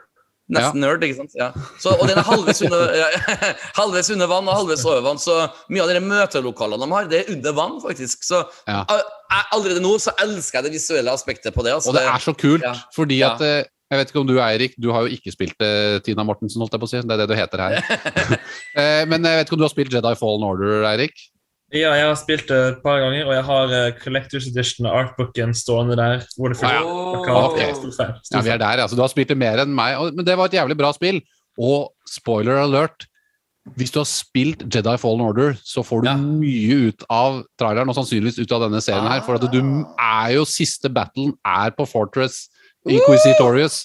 Oh og at det er under vann, har jo også et godt mye poeng i den scenen, da. Jeg Eh, fordi at du, ja. Og du møter jo Ja, du møter jo Jeg kan kanskje ikke spoile for mye her, da, men det er i hvert fall denne serien her er en liten gavepakke til, eh, til folk som spilte Jedi Fallen Order. Nei, det, det vil jeg absolutt si. Det, det var artig at du sa, for det er sånne ting som ikke jeg vet, for jeg, jeg er jo ikke gamer. Men eh, det syns jeg var artig at uh, Lucasfilm uh, setter uh, pris på den fanbasen òg, og, Ja, og det- gir det er- litt uh, Ja, det er veldig mye fra spillet i serien, vil jeg sagt. Veldig mye. Mm. Og derfor så er det jo også mulig at vi får se Cal Kestis, da, tror jeg. da. For han er jo veldig Mm. Hele det showet her, når jeg så den første traileren, så oser litt den samme stemningen som det er i Fallen Order. ikke sant? Det er Jedi i hiding fem år etter Revenge of the Sith. Han, må, yeah. han gjemmer bort kreftene sine. Han eh, Sakte, men sikkert oppdager han dem. Og så er det masse som Han møter en gammel eh, Jedi som da har blitt Inquisitor. Eh, Mm. det, det, er, det er jo Altså- mye likheter her, ikke sant? Jeg vil virkelig anbefale, for, for de som ikke har spilt Fallen Order-spillet, du ser Obi-Wan-traileren, og så ser Ja. du traileren for Fallen Order, og du ser traileren er veldig lik i Ja. både dialog og tonefall. Så jeg anbefaler å se begge trailerne rett etter hverandre. Det har jeg faktisk ikke gjort. Det skal, det skal jeg sjekke etterpå. Ja, det, det skal jeg også sjekke etterpå. En, en ting som jeg derimot vet, da, siden jeg ikke kan gaming, det, det jeg derimot kan, er jo musikk. Og jeg må jo si at den første traileren gjorde noe jævlig smart med å ha Duel of the Fates-lydbildet, liksom, eh, melodien på Og, da, og det, det er så smart! Ja. Det er så smart, for da får du virkelig Obi-Wan eh, Darth Vader-vibben, liksom. Og der Jeg eh, fikk litt ja. tårer der, bare å høre musikken. og, og så er det jo bekrefta at John Williams har skrevet en eh, Obi-Wan Kenobi-theme. Så at, ja. Det har han jo aldri hatt før. Og det gleder meg Jeg, jeg, oppriktig gleder meg til å høre det. altså Hvordan vil eh, den være? Og det er helt Eh, og- fantastisk. Han, Ja. han, han, sånn som jeg har lest det, han kontaktet Lucasfilm eller Kathleen Kennedy Ah. direkte og sa 'jeg vil skrive'. Mannen er Ja. 90 år. altså Jeg, jeg fikk nesten tårer i øynene. altså. Mannen er altså det så største forbildet mitt, nesten. Altså. Han er bare helt rå. Når du er 90 ja, ja, år og du liksom du har den energien i kroppen, du bare vil få ut Mm. liksom, det kunstneriske uttrykket ditt, og du vil skrive en Obi-Wan-ting som du ikke har fått oh, gjort. Gud, Det, det, altså. det er helt rått, altså. Ja, det, det, er magisk. Også, og andre trailere hadde jo også så klart referanser til gamle musikalske perler. Så at det er det, det, det, det er rette folk på rett sted her, virker altså. Men det, det jeg lurer på Space Hongkong er også med i traileren. Ja. Øh, Vet du noe om det, Knut? Eller, eller du, Erik? Altså, er det også fra noe spill, eller er det For det er helt blankt for meg hvilken planet det kan være på, liksom. Er det Eh, altså, jeg kjente ikke igjen planeten Nei. helt, men det er jo ganske mange planeter og ganske mange store. Jeg er sikker på at den planeten har vært nevnt eller referert et par ganger i enten Clone Wars eller Rebels eller en av filmene. Men jeg Mm. kjente den ikke helt igjen, for å være helt ærlig. Men Nei. sagt, vi, får, vi får se. Det kunne ha vært sånn Coruscant Underground, så klart, men de vil sikkert spre litt ut. For det jeg har nemlig tenkt, skjønner gutter, og her må jeg ha rekke å prate med Erik før Erik må dra, er at jeg tror, og dere slutter å le av meg, og dere har lov til å le av meg, men dere kommer ikke til å le når dere finner ut at jeg har rett om et par uker. For jeg tror at rammen rundt hele Obi-Wan Kenobi-serien, altså da mener jeg actionrammen, alt av action og eh, framdrift, vil rett og slett være inspirert av, hold dere fast, John Blade. Wick. Nei, John Wick-trilogien. Du vet at det er mange Ja, men det, det kom så tydelig fram med andre traileren. Get all the bounty hunters, we have to squeeze them, we have to take them. Yeah. Jeg ser for meg at Obi-Wan må bare slåss gang på gang på gang. For at uh, de, de, de, throw everything at him, even the kitchen yeah. sink. Så, yeah. så jeg må spørre deg, Erik, siden du må dra om, om en- en- en- 20 minutter. Ja, Tror- jeg er veldig stor fan av John uh, Wick, så jeg håper virkelig det er sant. Ja, altså, Det er noe med andre traileren som forteller meg Oh my god, det her er jo John Wick in space. Uh, eller, eller jeg er helt ute å kjøre. Nei, nei, du er inne på noe. ja. Altså, det så, du så Obi-Wan bruke en blaster et par sekunder, Yes. og det, det er nok for meg. for å si det sånn. Jeg håper virkelig han eh, For han, han må jo skjule at han er en Jedi, så tar han fram Ja. blasters istedenfor Jedi, sånn Jedi So, weapon. so var- uncivilized. Yeah. so Exactly. uncivilized. Jeg håper virkelig vi får se litt John Wick-action, for John Wick har på en måte satt actionstandarden dette tiåret. Bortsett fra at den har må- 18 den har 18-årsgrense, selvfølgelig, da, men, ja, Ja, Ja, men, samme, men samme prinsippet, at de liksom jakter, det er mange som jakter på han. Ja, ja. Du, for du vet jo at uh, Book of Bobafett ble jo liksom litt sånn spaghetti-western, ikke sant? Og sånn Sierra Leone-vibe. Og det her kan bli liksom Star Wars sin John Wick-greie. for at eh, selv om det skal være gode, klassiske dialoger som Ewan McGregor eh, får, slik han får vist fram sine acting shops, så vil jo TV-seerne forvente mye action. Og Ja. da tenker jeg John Wick, altså. Han bare må, han må slåss fra alle sider og kanter. og og, og så da kommer the big bad guy til slutt, som så klart er Darth Vader. Eh, er jeg ute av kjøret, Knut, eller tror du at det kan være en At det, de, de rett og slett er inspirert litt av um, John Wick-konseptet, da? Ja. Det er jeg usikker på om jeg akkurat har tenkt på den filmen, men at det er litt av det samme prinsippet at det er liksom en mafia, eller det er liksom mange som jakter på han, og han Ja. er underlegen, for han kan ikke Han har Du kan jo sammenligne Obi-Wan uten lyssabelen og kreftene sine med en, en eller annen fyr som bare Han har ikke noe annet enn en pistol eller en kniv, og så må han slåss mot masse mafiafolk som har eh, et arsenal av, eh, av våpen, liksom. Ja. Eh, altså, men de, bare ideen besnærer meg jo, ikke sant, eh, med at han han må, han må slåss mens han gjemmer kreftene sine, for han vil ikke bli Ja. oppdaget. Han vil ikke at Yes. kanskje at noen senser han, kanskje Vader eller inkvisitørene er i nærheten, så må han slåss mot Bounty Hunters. For å ikke da vekke inkvisitørene eller Vaders oppmerksomhet, så må han slåss uten å bruke The Force. Og det er jo veldig kult å se Obi-Wan i en sånn sårbar situasjon. da. Mm. Det, er- det er jo en, en, et element i serien som jeg tror jeg kommer til å like veldig godt. Uh, og et, Ja. Et, Ja, så, så jeg, men det kan godt være at det blir mer sånn hand-to-hand melee fights. Og litt Ja, ja, ja. eh, blaster uncivilized eh, blaster pistol fights også. For, for det er jo nå vi kommer på den mest spennende delen av podkasten. Altså, vi har et kvarter igjen nå før Erik må dra. Og det som er helt spesielt, er at nå skal vi gjette litt. Slik som vi gjorde med Boba Fett og som vi gjorde med Mandalorian. Hva er det som vil skje? Hva tror vi skjer? Jeg kan, jeg kan starte med et spørsmål til Erik, og så kan du si sjøl hva du gjetter. Men tror du f.eks. Her, her, er- her er jo ti år etter Order 66. Tror du f.eks. at vi kommer til å se en ti år gammel Leia i, i serien her? Altså, jeg Det hadde vært stilig, men en del av meg håper at vi ikke får for mange Mm. cameos. fordi det var det som har vært eh, en stor klage av og til for Star Wars-fans. At uh, vi trenger ikke å se absolutt alle karakterene Snakk for deg sjøl. I want to see everyone. Jeg tviler sterkt på at vi ser en ung Leia nettopp fordi at vi har sett en ung Luke. Jeg tror liksom det blir et hakk for mye. Men for, yeah. Gjette for jeg skal gjette hva som skjer i serien. Jeg tror at um, de kommer til å besøke Tatooine, disse um, Sith Lordsene eller disse Inkvisitørene. Inquisitorene. Ja, det ser vi jo i Thailand. de kommer til å terrorisere Moss Eisley litt, grann, nettopp for å Ja. lokke ut Obi-Wan. For de gjetter at å, ja, kanskje Obi-Wan dro tilbake til Ja. you know, hjembyen til sånn Ja. ja, Darth Vader anbefalte Tatooine. Jeg lurer på hvorfor Darth Vader er så obsess med Tatooine. Så vi drar til Tatooine. He hates. Ja. Ja, de begår De begår krigsforbrytelser. Ok, hvis jeg ikke reiser herfra nå, så kommer jeg til å måtte på en måte stoppe dem. Så han reiser da til en annen planet. Noen ser han, masse bounty hunters følger etter han. Mm. Og Obi-Wan på et tidspunkt har en run-in med Inquisitoren. ja. Han beseirer Inquisitoren, og så med en gang så må han slåss mot kanskje Darth Vader, og så faker han sin egen død.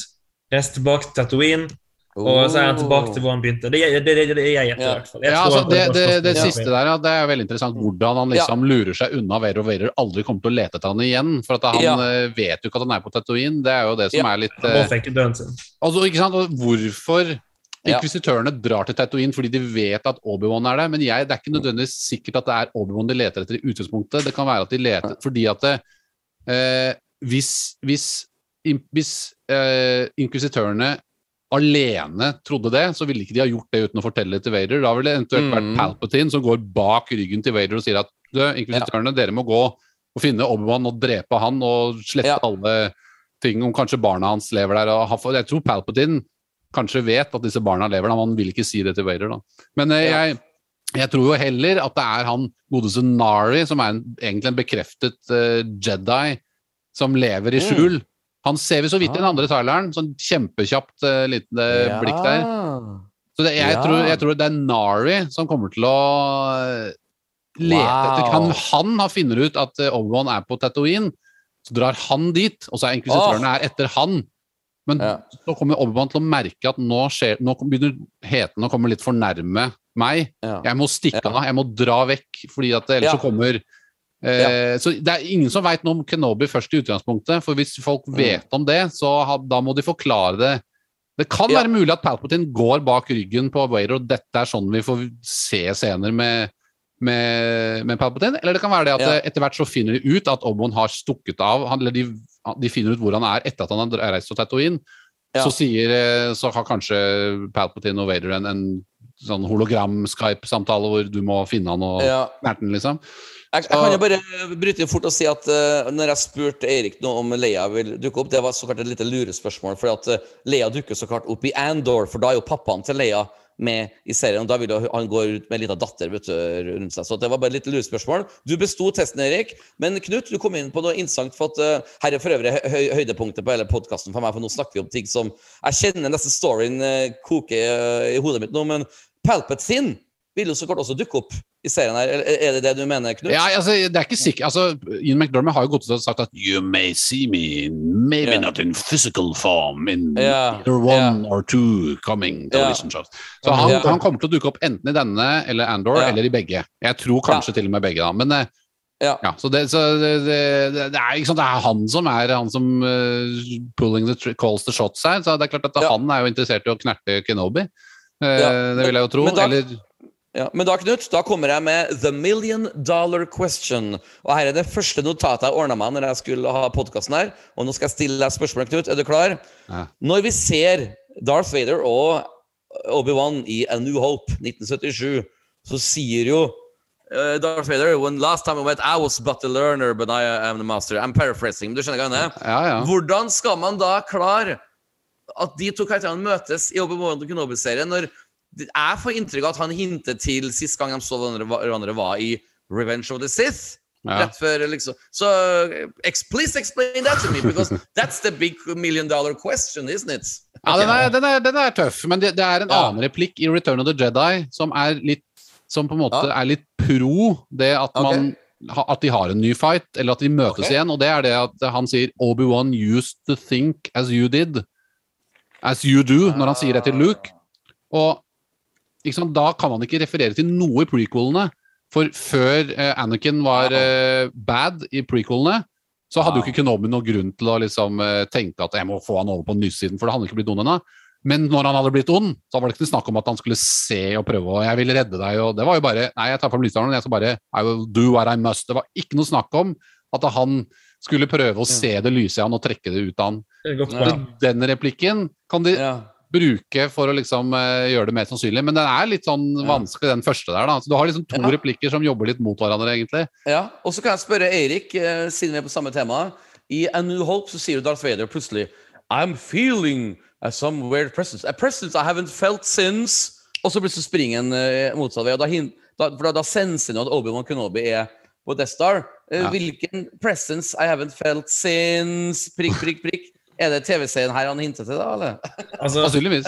om, det er, eh, om det er Mustafar eller om det er en annen planet de slåss på i Obi-Wan-serien, det er jo Ja. helt opp til egentlig. Det kan egentlig Disney bestemme, nesten, for de kan jo selv Ja. liksom velge når de sist møter hverandre. Altså, jeg, jeg har hørt rykte om at slåss- jeg har hørt rykte om at Obi-Wan og Darth Vader slåss to ganger i serien, faktisk. Oi, Jeg håper oi. virkelig det er sant. Men jeg antar at han Darth Vader refererer til ja, sist gang de så hverandre, som vi forhåpentligvis får se i serien. Jeg tviler på at det er jeg, jeg tviler på at de slåss på Mustafar igjen. så den, Hvis de for slåss på Coruscant, ja, da sier han oh, I haven't felt this since, og så tenker han på Coruscant. Ja, Men men, men, men for å arrestere deg litt, da altså, Nå er jeg bare sånn djevelens advokat her. For at, uh, når han da har Her er ti år etter Order 66. Darth Vader har også vært Darth Vader i over ti år. Og uh, drept jeder opp og ned i mente. Og nå plutselig, i A New Hope, sier han Last time we met, last time we met I was but the learner. Altså, jeg var bare en lærling. Han du er ikke lærling etter ti år etter Order 66. Da har du jo faen meg artium. Ja, den, den er tøff. Den er veldig tøff, Den er den er tøff. der, men, du, Ja. men du kan si det at han er, han er fortsatt lærling altså De kan spinne litt rundt på den og tviste ordene litt på en eller annen vis. Kanskje du kan si at han er, han er fortsatt lærlingen til Palpatine. Han er jo på en måte det, da. Ja. Men det er han jo fortsatt i New Hope også, egentlig. ja, Og det er jo også litt vanskelig. Ja, nei, jeg vet ikke. Knut, blir vanskelig, Den, altså. den er Det- vanskelig, den er tøff. Ja, Men uh, ja. det kan jo være at uh, det kommer litt an på hvem som vinner, da, i anførselstegn. Men hvis, hvis det er, blir som Eirik sa i stad, at, at Kenobi faker døden sin og lurer Vader til å tro at han er død, Ja. eh, så vil jo ikke den der learner funke så veldig bra, for da er det noe definitivt ikke det. Exactly. Men hvis, hvis, exactly. hvis det blir omvendt, at Obi-Wan klarer på en måte å skade ham på et eller annet vis, eller det er et eller annet annet tredjepart, og det kan jo selvfølgelig være Jeg tror jo at Reva kommer til å dø i den serien her, for at hun Ja. ja, dukker jo ikke opp i Rebels. Hun kommer til å bite to dust, og jeg tror det er Vader som kommer til å drepe henne, fordi hun enten gjør noe Hun er ikke bra nok på måten hun har gjort ting på, så hun bare får, hun blir straffa, liksom. Nei, jeg bare kutter av det. Eller at så- hun ser noe lyst. hun ser noe lyst, lyst, og hun Ja. basert på noe som har skjedd i flashbackene, så, så prøver hun å hjelpe Kenobi, og så kommer Wader og bare knerter Ja. henne. Ja. Eh, sånn at det, det kan være noe der som spiller inn på det learner-greiene, at da altså, vinner Obi-Wan den fighten på et vis, og så kan eh, Mm. man si at han var fortsatt lærlingen eh, fortsatt til eh, Men man kan jo også si kanskje at den replikken Nei, det kan han jo ikke. Nei, det er, det er Altså, ja, altså, for, for å kvele altså, Hvis du virkelig er en lærling i, i et arbeidsstyrke Etter ti år så er du ikke lærling lenger. Nei. Altså, men du kan være en lærling i forhold til Obi-Wan, som er mesternes mester. på en måte. Sånn, han, er en, han er en mester vanligvis, men når han er rundt Obi-Wan, da blir han en lærling. For han, Ja, han det- den er fin. Den Ja, likte jeg. og- og- og Eller Eller kan kanskje han bare er Kanskje de ikke slåss med lyssabler, kanskje de bare sitter og spiller sabak, og han og Obi-Wan ja, vinner. ja, Og så sier. Au, ikke sant? Han er en ja. i sabak. Eller, eller kanskje Obi-Wan er i mobbemodus og Hey, you, you never became a Jedi Master, did you? Nei, nei, nei, nei, nei. I have the high ground.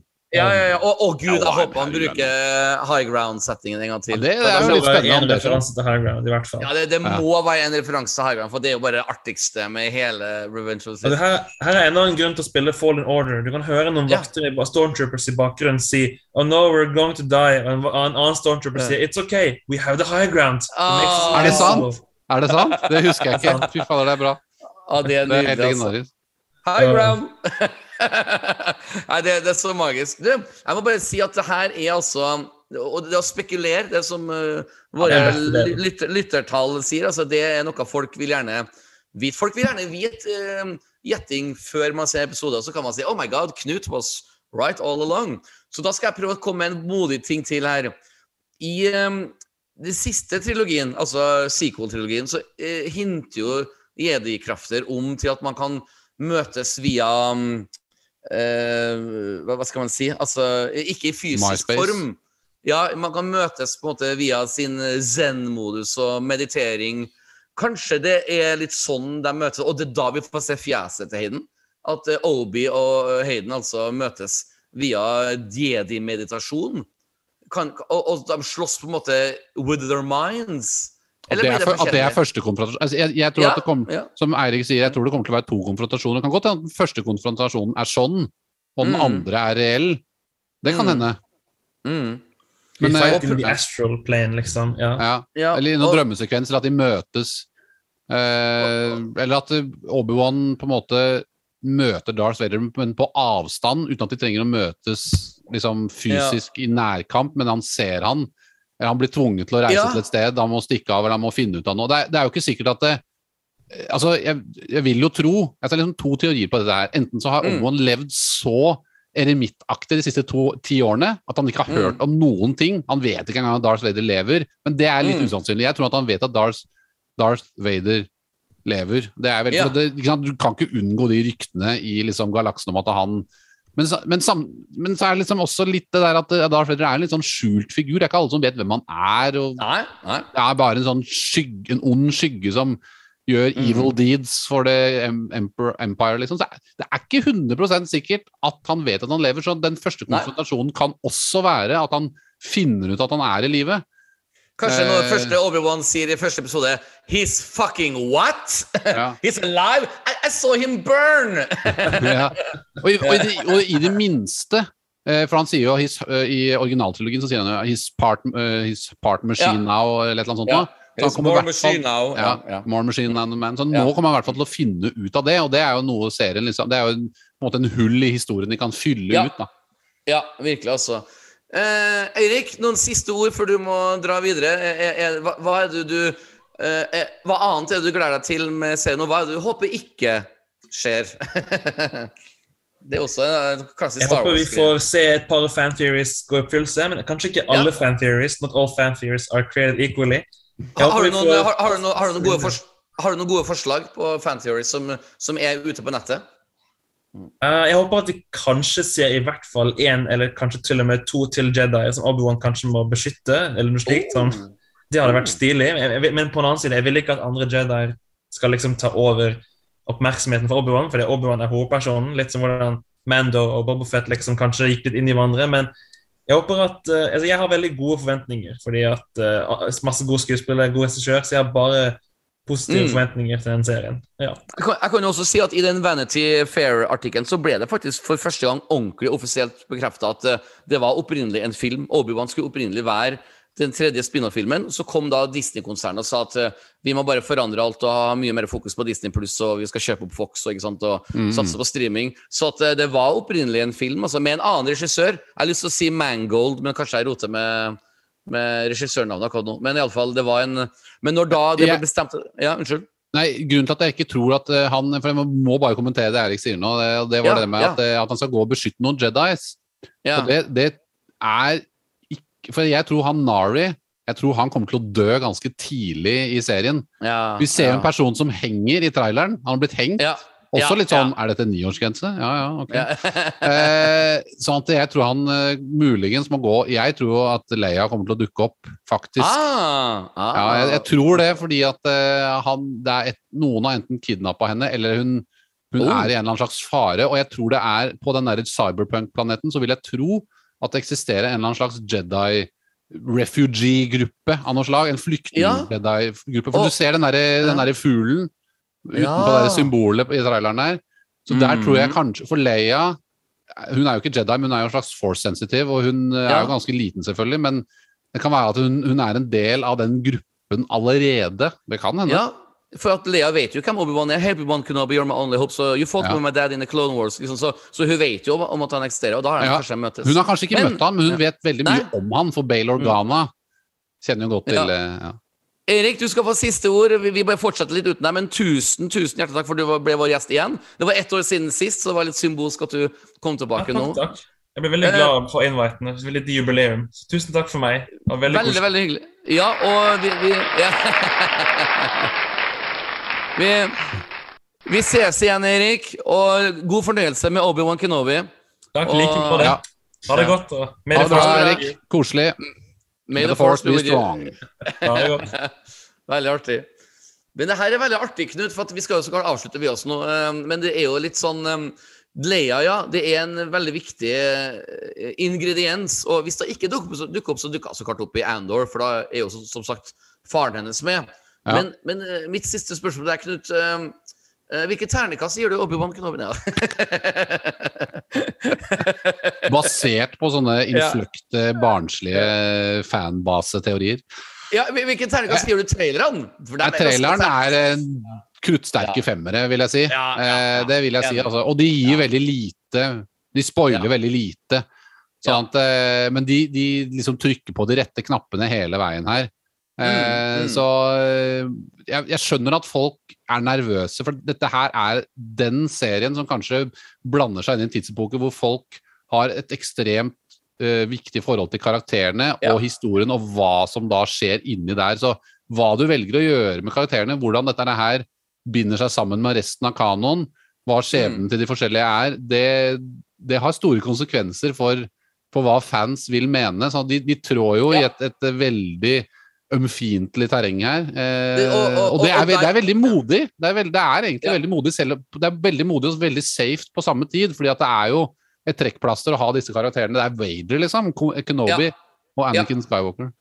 Du, du, du traff virkelig gullkornet der, og det er en veldig fin måte å avslutte podkasten på. For at, eh, jeg, jeg vil bruke litt store ord og si at um, framtiden til Star Wars Ja. er faktisk veldig avhengig av denne Obi-Wan Kenobi-sommeren som vi har foran oss nå, du vet, mai og Ja. juni med Obi-Wan Kenobi. For Ja. det er som du sier, du har Obi-Wan, du har Darth Vader, og det, det, det, det vil tiltrekke nye seere. Det er det man av og til glemmer. vet du. Man tror alltid at det er bare de samme seerne som skal se alt det Ja. men er her vil tiltrekke enda flere folk som har null forhold til Mando og, Ja. og, og Bobafett, vil garantert likevel se hvis Darth Vader kommer tilbake. Altså, det, det her er ikke bare vanlige Star Wars-fans. Her her, nå kommer også vanlige filmfans, nostalgifans. Altså, så at um, den, det nest, Den, tre, den trekker mange i mange ledd. Det er akkurat som du sier nå.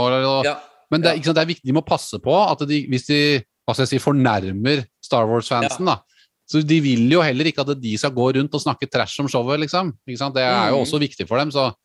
Men det er klart, jeg er ganske sikker på at det vil bli tatt valg her i i serien som kommer til å gjøre noen eh, noen eh, poopsuckers rundt omkring forbanna. Ja, og jeg gleder meg. Og jeg, jeg, jeg må jo si at um, jeg har jo alltid sagt i våre 46 lange, mange, mange episoder at Boba Fett har alltid vært min favorittkarakter. Og, og det er jo det, det er iallfall sant før Boba Fett-serien kom.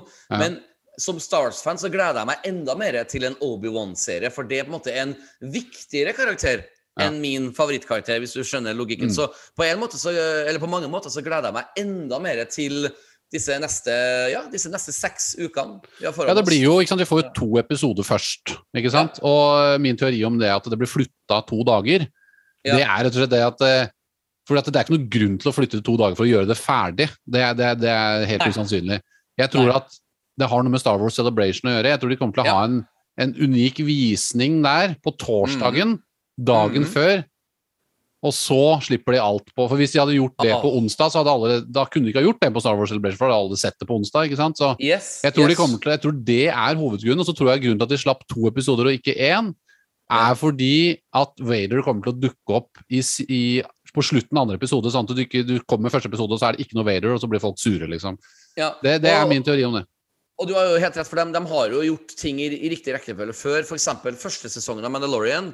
Om jeg husker korrekt, så var det den nest siste episoden, eller den tredje siste episoden, hvor Ja. vi, vi fikk se at Baby Yoda introduserte healing power. Ja. Og så plutselig uka etterpå så var det premiere på Rise of Skywalker, og da ble healing power brukt i filmen. Så at Ja. alt ble på en måte litt sånn gjort i riktig rekkefølge. Så Ja, ja. Det, det, det, det, er bra, det. Jeg, jeg liker sånne ting. Jeg er veldig glad i sånn nitpicking, sånn der at uh, ting blir gjort i rek riktig rekkefølge. Er, ja. er, det er veldig spennende, akkurat det der. Altså, jeg, jeg, jeg er veldig spent på hvordan de Jeg har forresten en så vi kan gå kjapt igjennom. Jeg lagde en litt morsom Ja. liste her på karakterer der, som kan dukke opp i den serien. Jeg har gitt dem en prosentsjanse.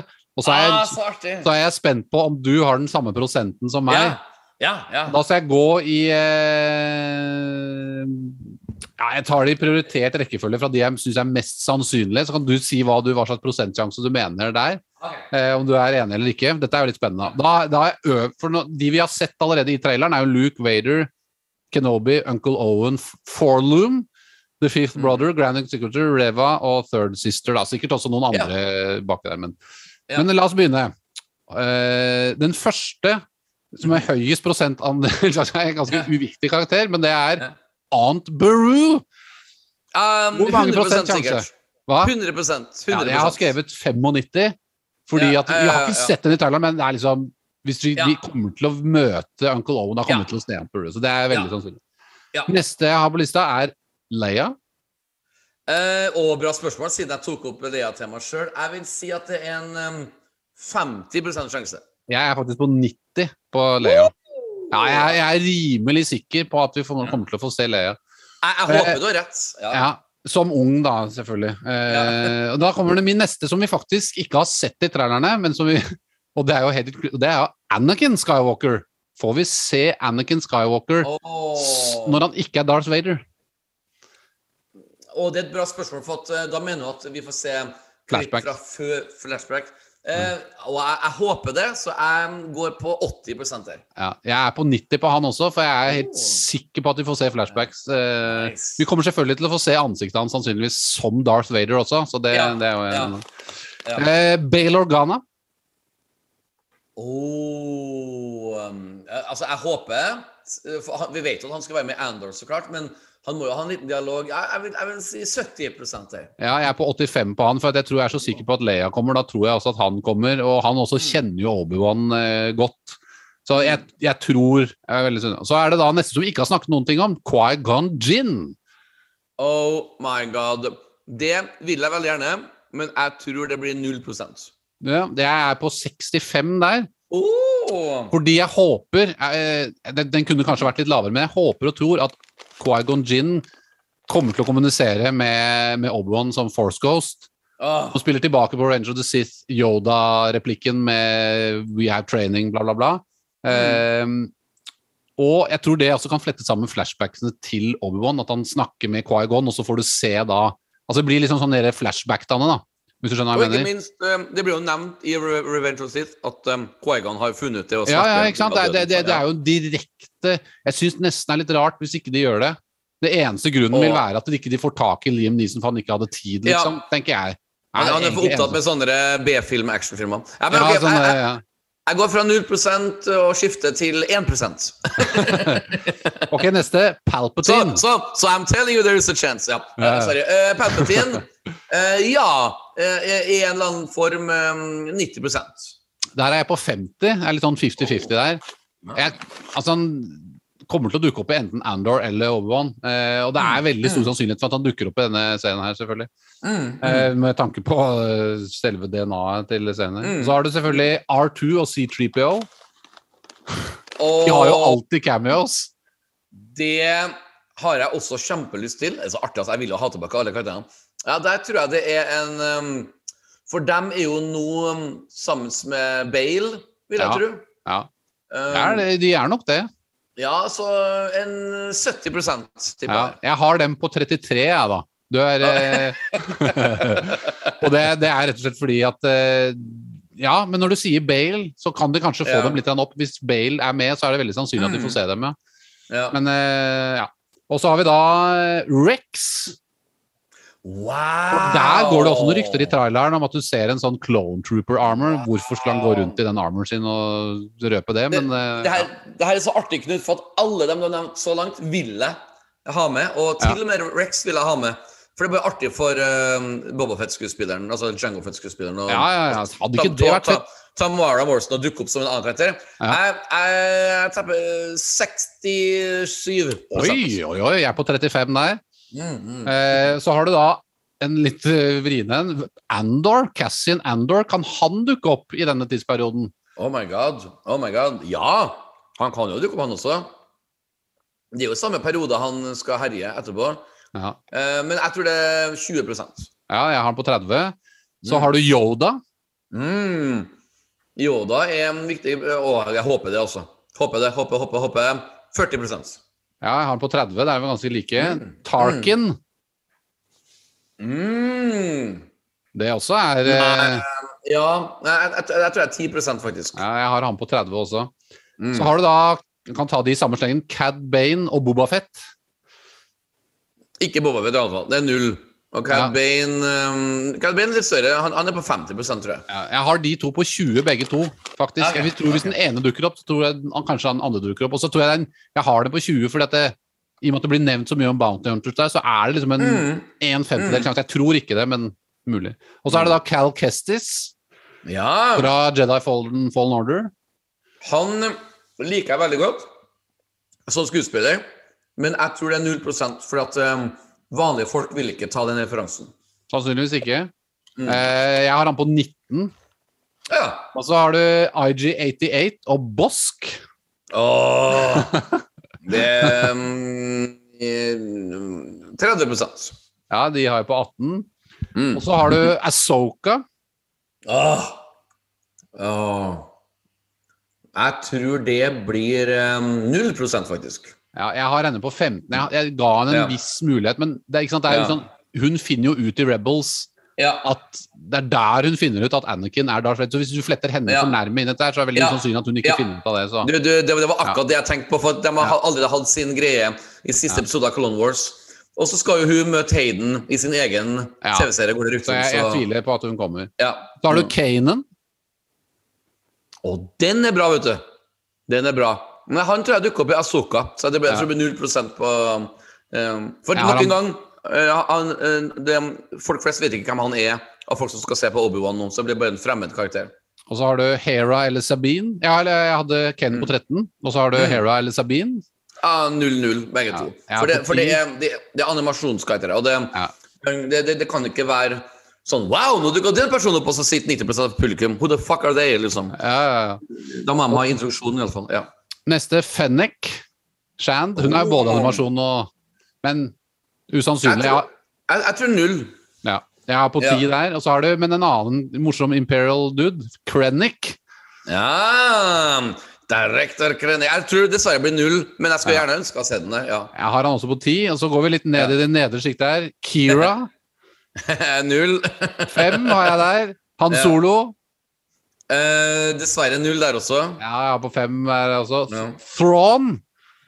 Eh, spares, spares til Asoka, tror jeg. men han er jo veldig aktiv på den, i denne perioden, Ja, det er en, men sikkert med en annen type handling som Asoka Ja, kan eh, Sannsynligvis. jakte. Ja, ja. Og så har du en litt morsom en her. Dexter. Null. Tre. 0,0. Og så helt nederst på listen så har jeg da en som kjenner eh, Kenobi veldig godt, nemlig Maul. Ja, og, og der er det dessverre null, men jeg kunne gjerne tenkt meg å se den ordentlige mål-fight, sånn redemption fra Phantom Menace, men den fikk vi jo se, da. Jeg gir han en to, 2 prosent. Ja. 2 2 ja. Ja. Så Men han, er jo, eh, han, er jo, han er jo aktiv i tida der med Ja. Crime Syndicate og greier. så han er jo aktiv, så ja. Så Ja, det er faen, er det mulig altså. å se det, se det. Men ikke sant? dette her sier noe Jeg, jeg, jeg, gir- jeg gir den en tier, jeg. Jeg gir den en Ja. 10 ja. Men Ja. det, ikke sant? det er det, det, dette her sier noe om hvor mange karakterer de har i Star Wars-universet. og Alle en, kan jo ikke få alt de vil, liksom. For en sandkasse de har å leke i. og Ja. sitte der med manuskriptet og bare sånn Hvem kan vi ha inn? Vi har tilgang til så mange personer som var aktuelle i den tidsperioden. Altså, jeg, jeg vil jo gå så langt og si at um, den tidsperioden som Obi-Wan skal foregå i, er den aller, aller, aller beste perioden av all Star Wars-historie, mener jeg. Ja. Ja, det er en, eh, og det er en periode de bare har eh, utforsket i animasjon, egentlig. Korrekt. Og mørkt, Og- og de, ja. de har blitt eh, okkupert, i innovasjon.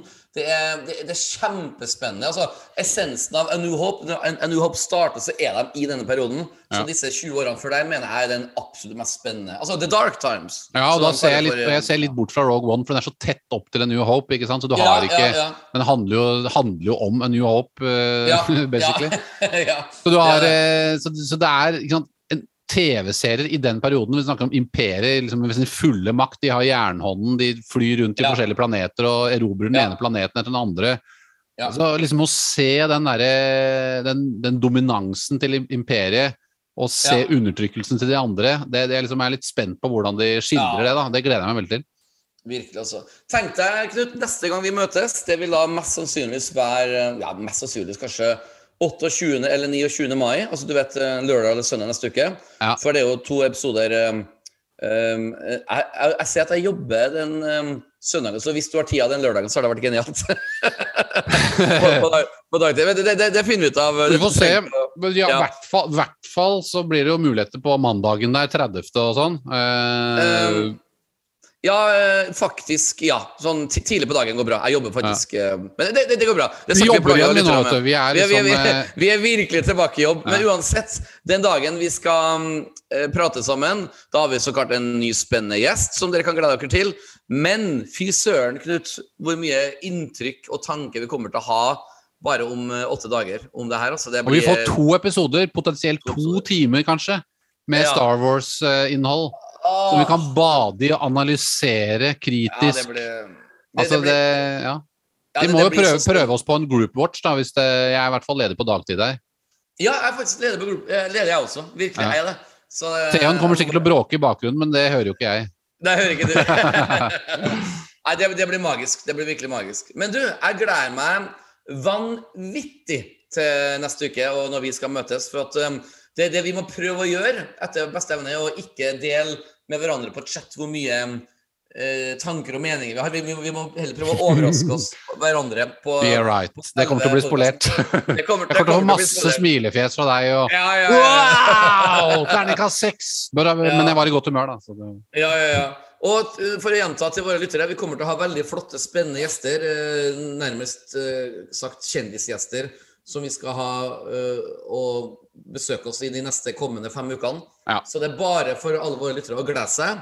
Og vi skal virkelig gå down in the dirty nitty-gritty av Obi-Wan. Og um, jeg har en følelse på at det kommer til å bli høye terningkast. Jeg håper iallfall det. Ja, det, det, det, det, jeg håper jo virkelig, og jeg tror, basert på at dette blir en kanonbra serie Ja. Den Den Ja. kommer til å sikkert eh, hisse på seg noen eh, geeks rundt omkring, men eh, Ja. alt i alt så tror jeg dette er kommer til å bli en bra serie. Det, det har jeg veldig stor tro på. Trailerne og alt jeg har sett og hørt. Uh, det er den derre Reva-greia som er Ja, det- det- uten kløe i bakhodet, men, men som jeg, jeg bare refererer til alt jeg sa tidligere i podkasten. Ja, ja, ja. Star Wars-fans tror- er ikke som vanlige fans, så det, det, da, da oppstår det sånne situasjoner som dette her. Ja.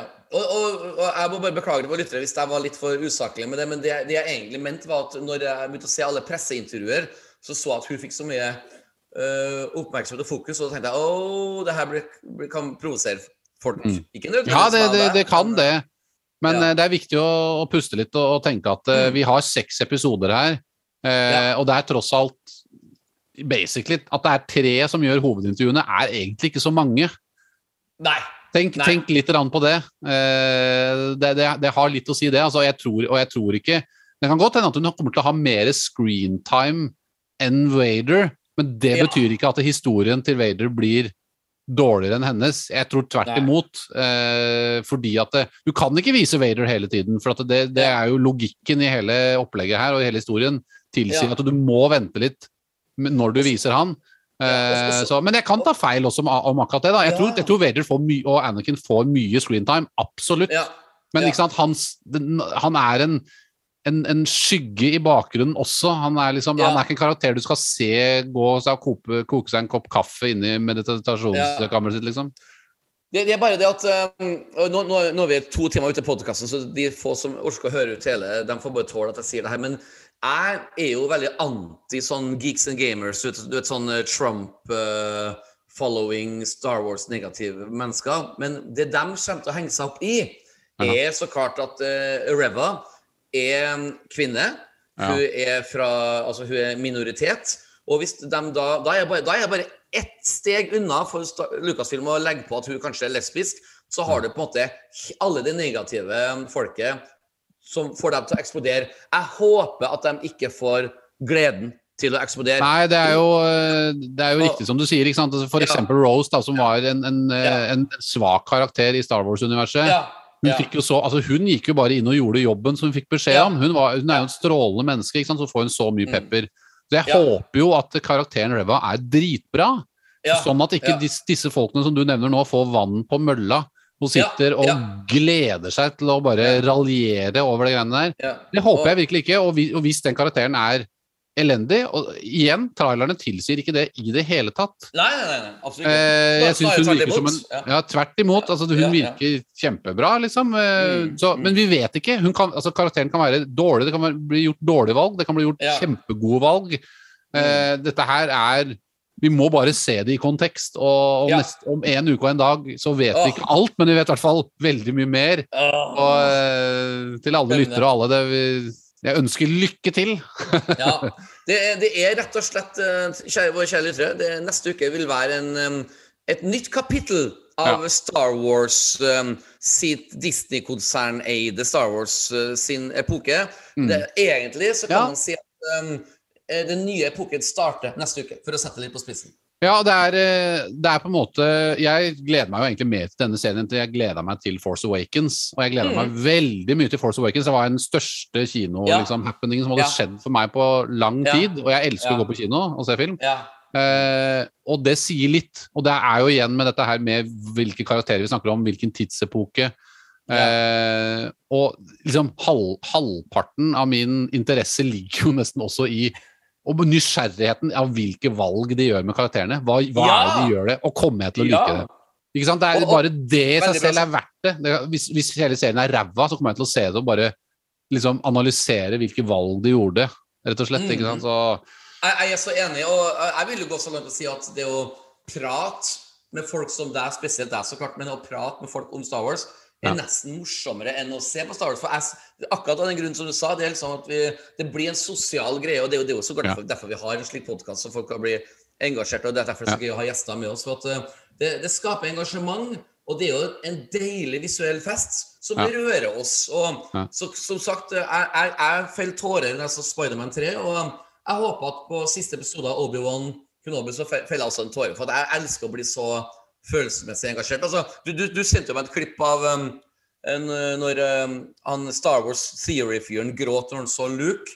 Um, jeg, jeg, jeg gråt riktignok ikke der og da, men jeg, jeg jubla og du vet, hadde um, fist in the air og sånne ting. Men jeg ble veldig rørt av å se at han ble rørt, for det treffer. Um, det, det, så, uh, Star Wars er sånne fundamentale byggeklosser av vårt, uh, bar, uh, vår barndom, for Ja. å bruke en rar setting. Som vi fortsatt er i. som vi fortsatt her. Og det, det, det er deilig som oss voksne menn i 40-åra å kjenne på den gleden. Altså, den skal vi aldri gi slipp på. Ja, det er, jo, det er jo en gavepakke til oss som, som Ja. voksne mennesker får lov til å liksom oppleve dette på nytt igjen. Ikke sant? Jeg hadde jo aldri Ja. trodd det for eh, ti år siden, Ja. eh, eller i hvert fall elleve, før det ble kjøpt opp på Disney. Så ja, ja, ja. jeg mener, vi er jo, vi er jo heldige, så vi, vi Ja. å drive og klage og syte over eh, Altså, vi har lov til å være nervøse for ting, selvfølgelig. ja, Men ikke sant, det der ekstremitetene med, med fanbasen som eh, allerede bare har stempla Reva som en ræva karakter, ikke sant. Det, Ja, det, det blir jo for dumt, ikke sant. Men eh, det er jo som regel så er jo det litt sånne Det, det det, er litt være samme som Jeg var, jeg var på et sånt Star Wars-forum eh, i går. Og da var det noen som har misforstått den Kathleen Kennedy-sitatet om uh, Alden El Ja, stemmer det, han var dritdårlig, den filmen sugde. Og jeg bare svarte tilbake uh, unnskyld meg, men Solo-filmen er den nest beste Star Wars-filmen siden 1983. For jeg fikk jeg masse likes og greier. ja, ja, ja. Så det er liksom sånn, man må ikke la seg bli engasjert. Min drøm er jo at alle skal elske Obi-Wan Kenobi-serien. Veldig urealistisk drøm, men jeg har så lyst til å ha en sånn moment hvor bare alle bare um, det, det er sånn som å være Prince-fan. Alle Prince-fans er enige om at 1987 var en bra epoke, 2002 var bra. Du skjønner ikke, sånn, Vi er alle enige om forskjellige epoker, at det er feilfritt. Jeg vil at det her skal være så godt som feilfritt. Ja. Det betyr, det viktigste er at jeg sjøl liker det, men jeg blir også glad hvis alle andre liker det. Jeg er litt komplisert akkurat der. Ja, Eh, men det, det, også- vet at du er i godt humør. Det har de, det, det. De, slipper, de slipper det på en dato på et tidspunkt som du er i godt humør i, og da veit jeg at da, da sprer du god PR for, eh, for Star Wars. altså. Vet du hva, Knut? Vi kommer til å få seks, i hvert fall fem meget spennende uker foran oss. Og så er vi jaggu meg tilbake igjen i slutten av august med Andor, så det her blir um, oh, ja, ja. fest. Og så er det Bad Batch inni der igjen, og så er det Mando på slutten av året. Det, vi kommer Ja. til å ha en veldig artig seks måneder nå framover eh, av 2022. Så her, her er begynnelsen. Her er på en måte vår eh, nærmest som en ny eh, sesong for oss. Vi starter akkurat nå. Det er comeback, og vi kommer til å gå inn i episode 50 i løpet. Det blir jo da Ah! episode 4. Ikke det? Blir episode 5 Nei, episode 4, ja. Av Ja, det- eh, det- Kenobi. Da er det episode 50 av Joda Neida, altså. Da blir det kake. Da blir det kake. Knut, ha en nydelig uke. Du i like måte, Petter. Og, og jeg gleder meg så mye til neste gang vi prates. Det blir eh, Det kommer til å bli magisk, rett og slett. Ja, det blir det. Og eh, jeg kommer til å avslutte med en, eh, en vignett her Ja. som, som, vi, eh, som jeg ikke fikk spilt i dag. Som jeg Som jeg bare syns er veldig morsomt. Vi har ikke fått hørt noe om Dark Horse i dag, Petter. Det er gritty.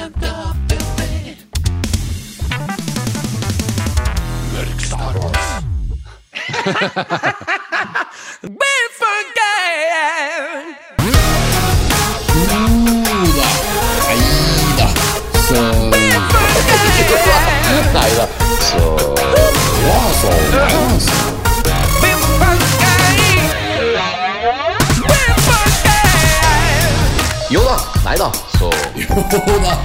Nei da. Så Jo da. Nei da. Så Jo da. 不用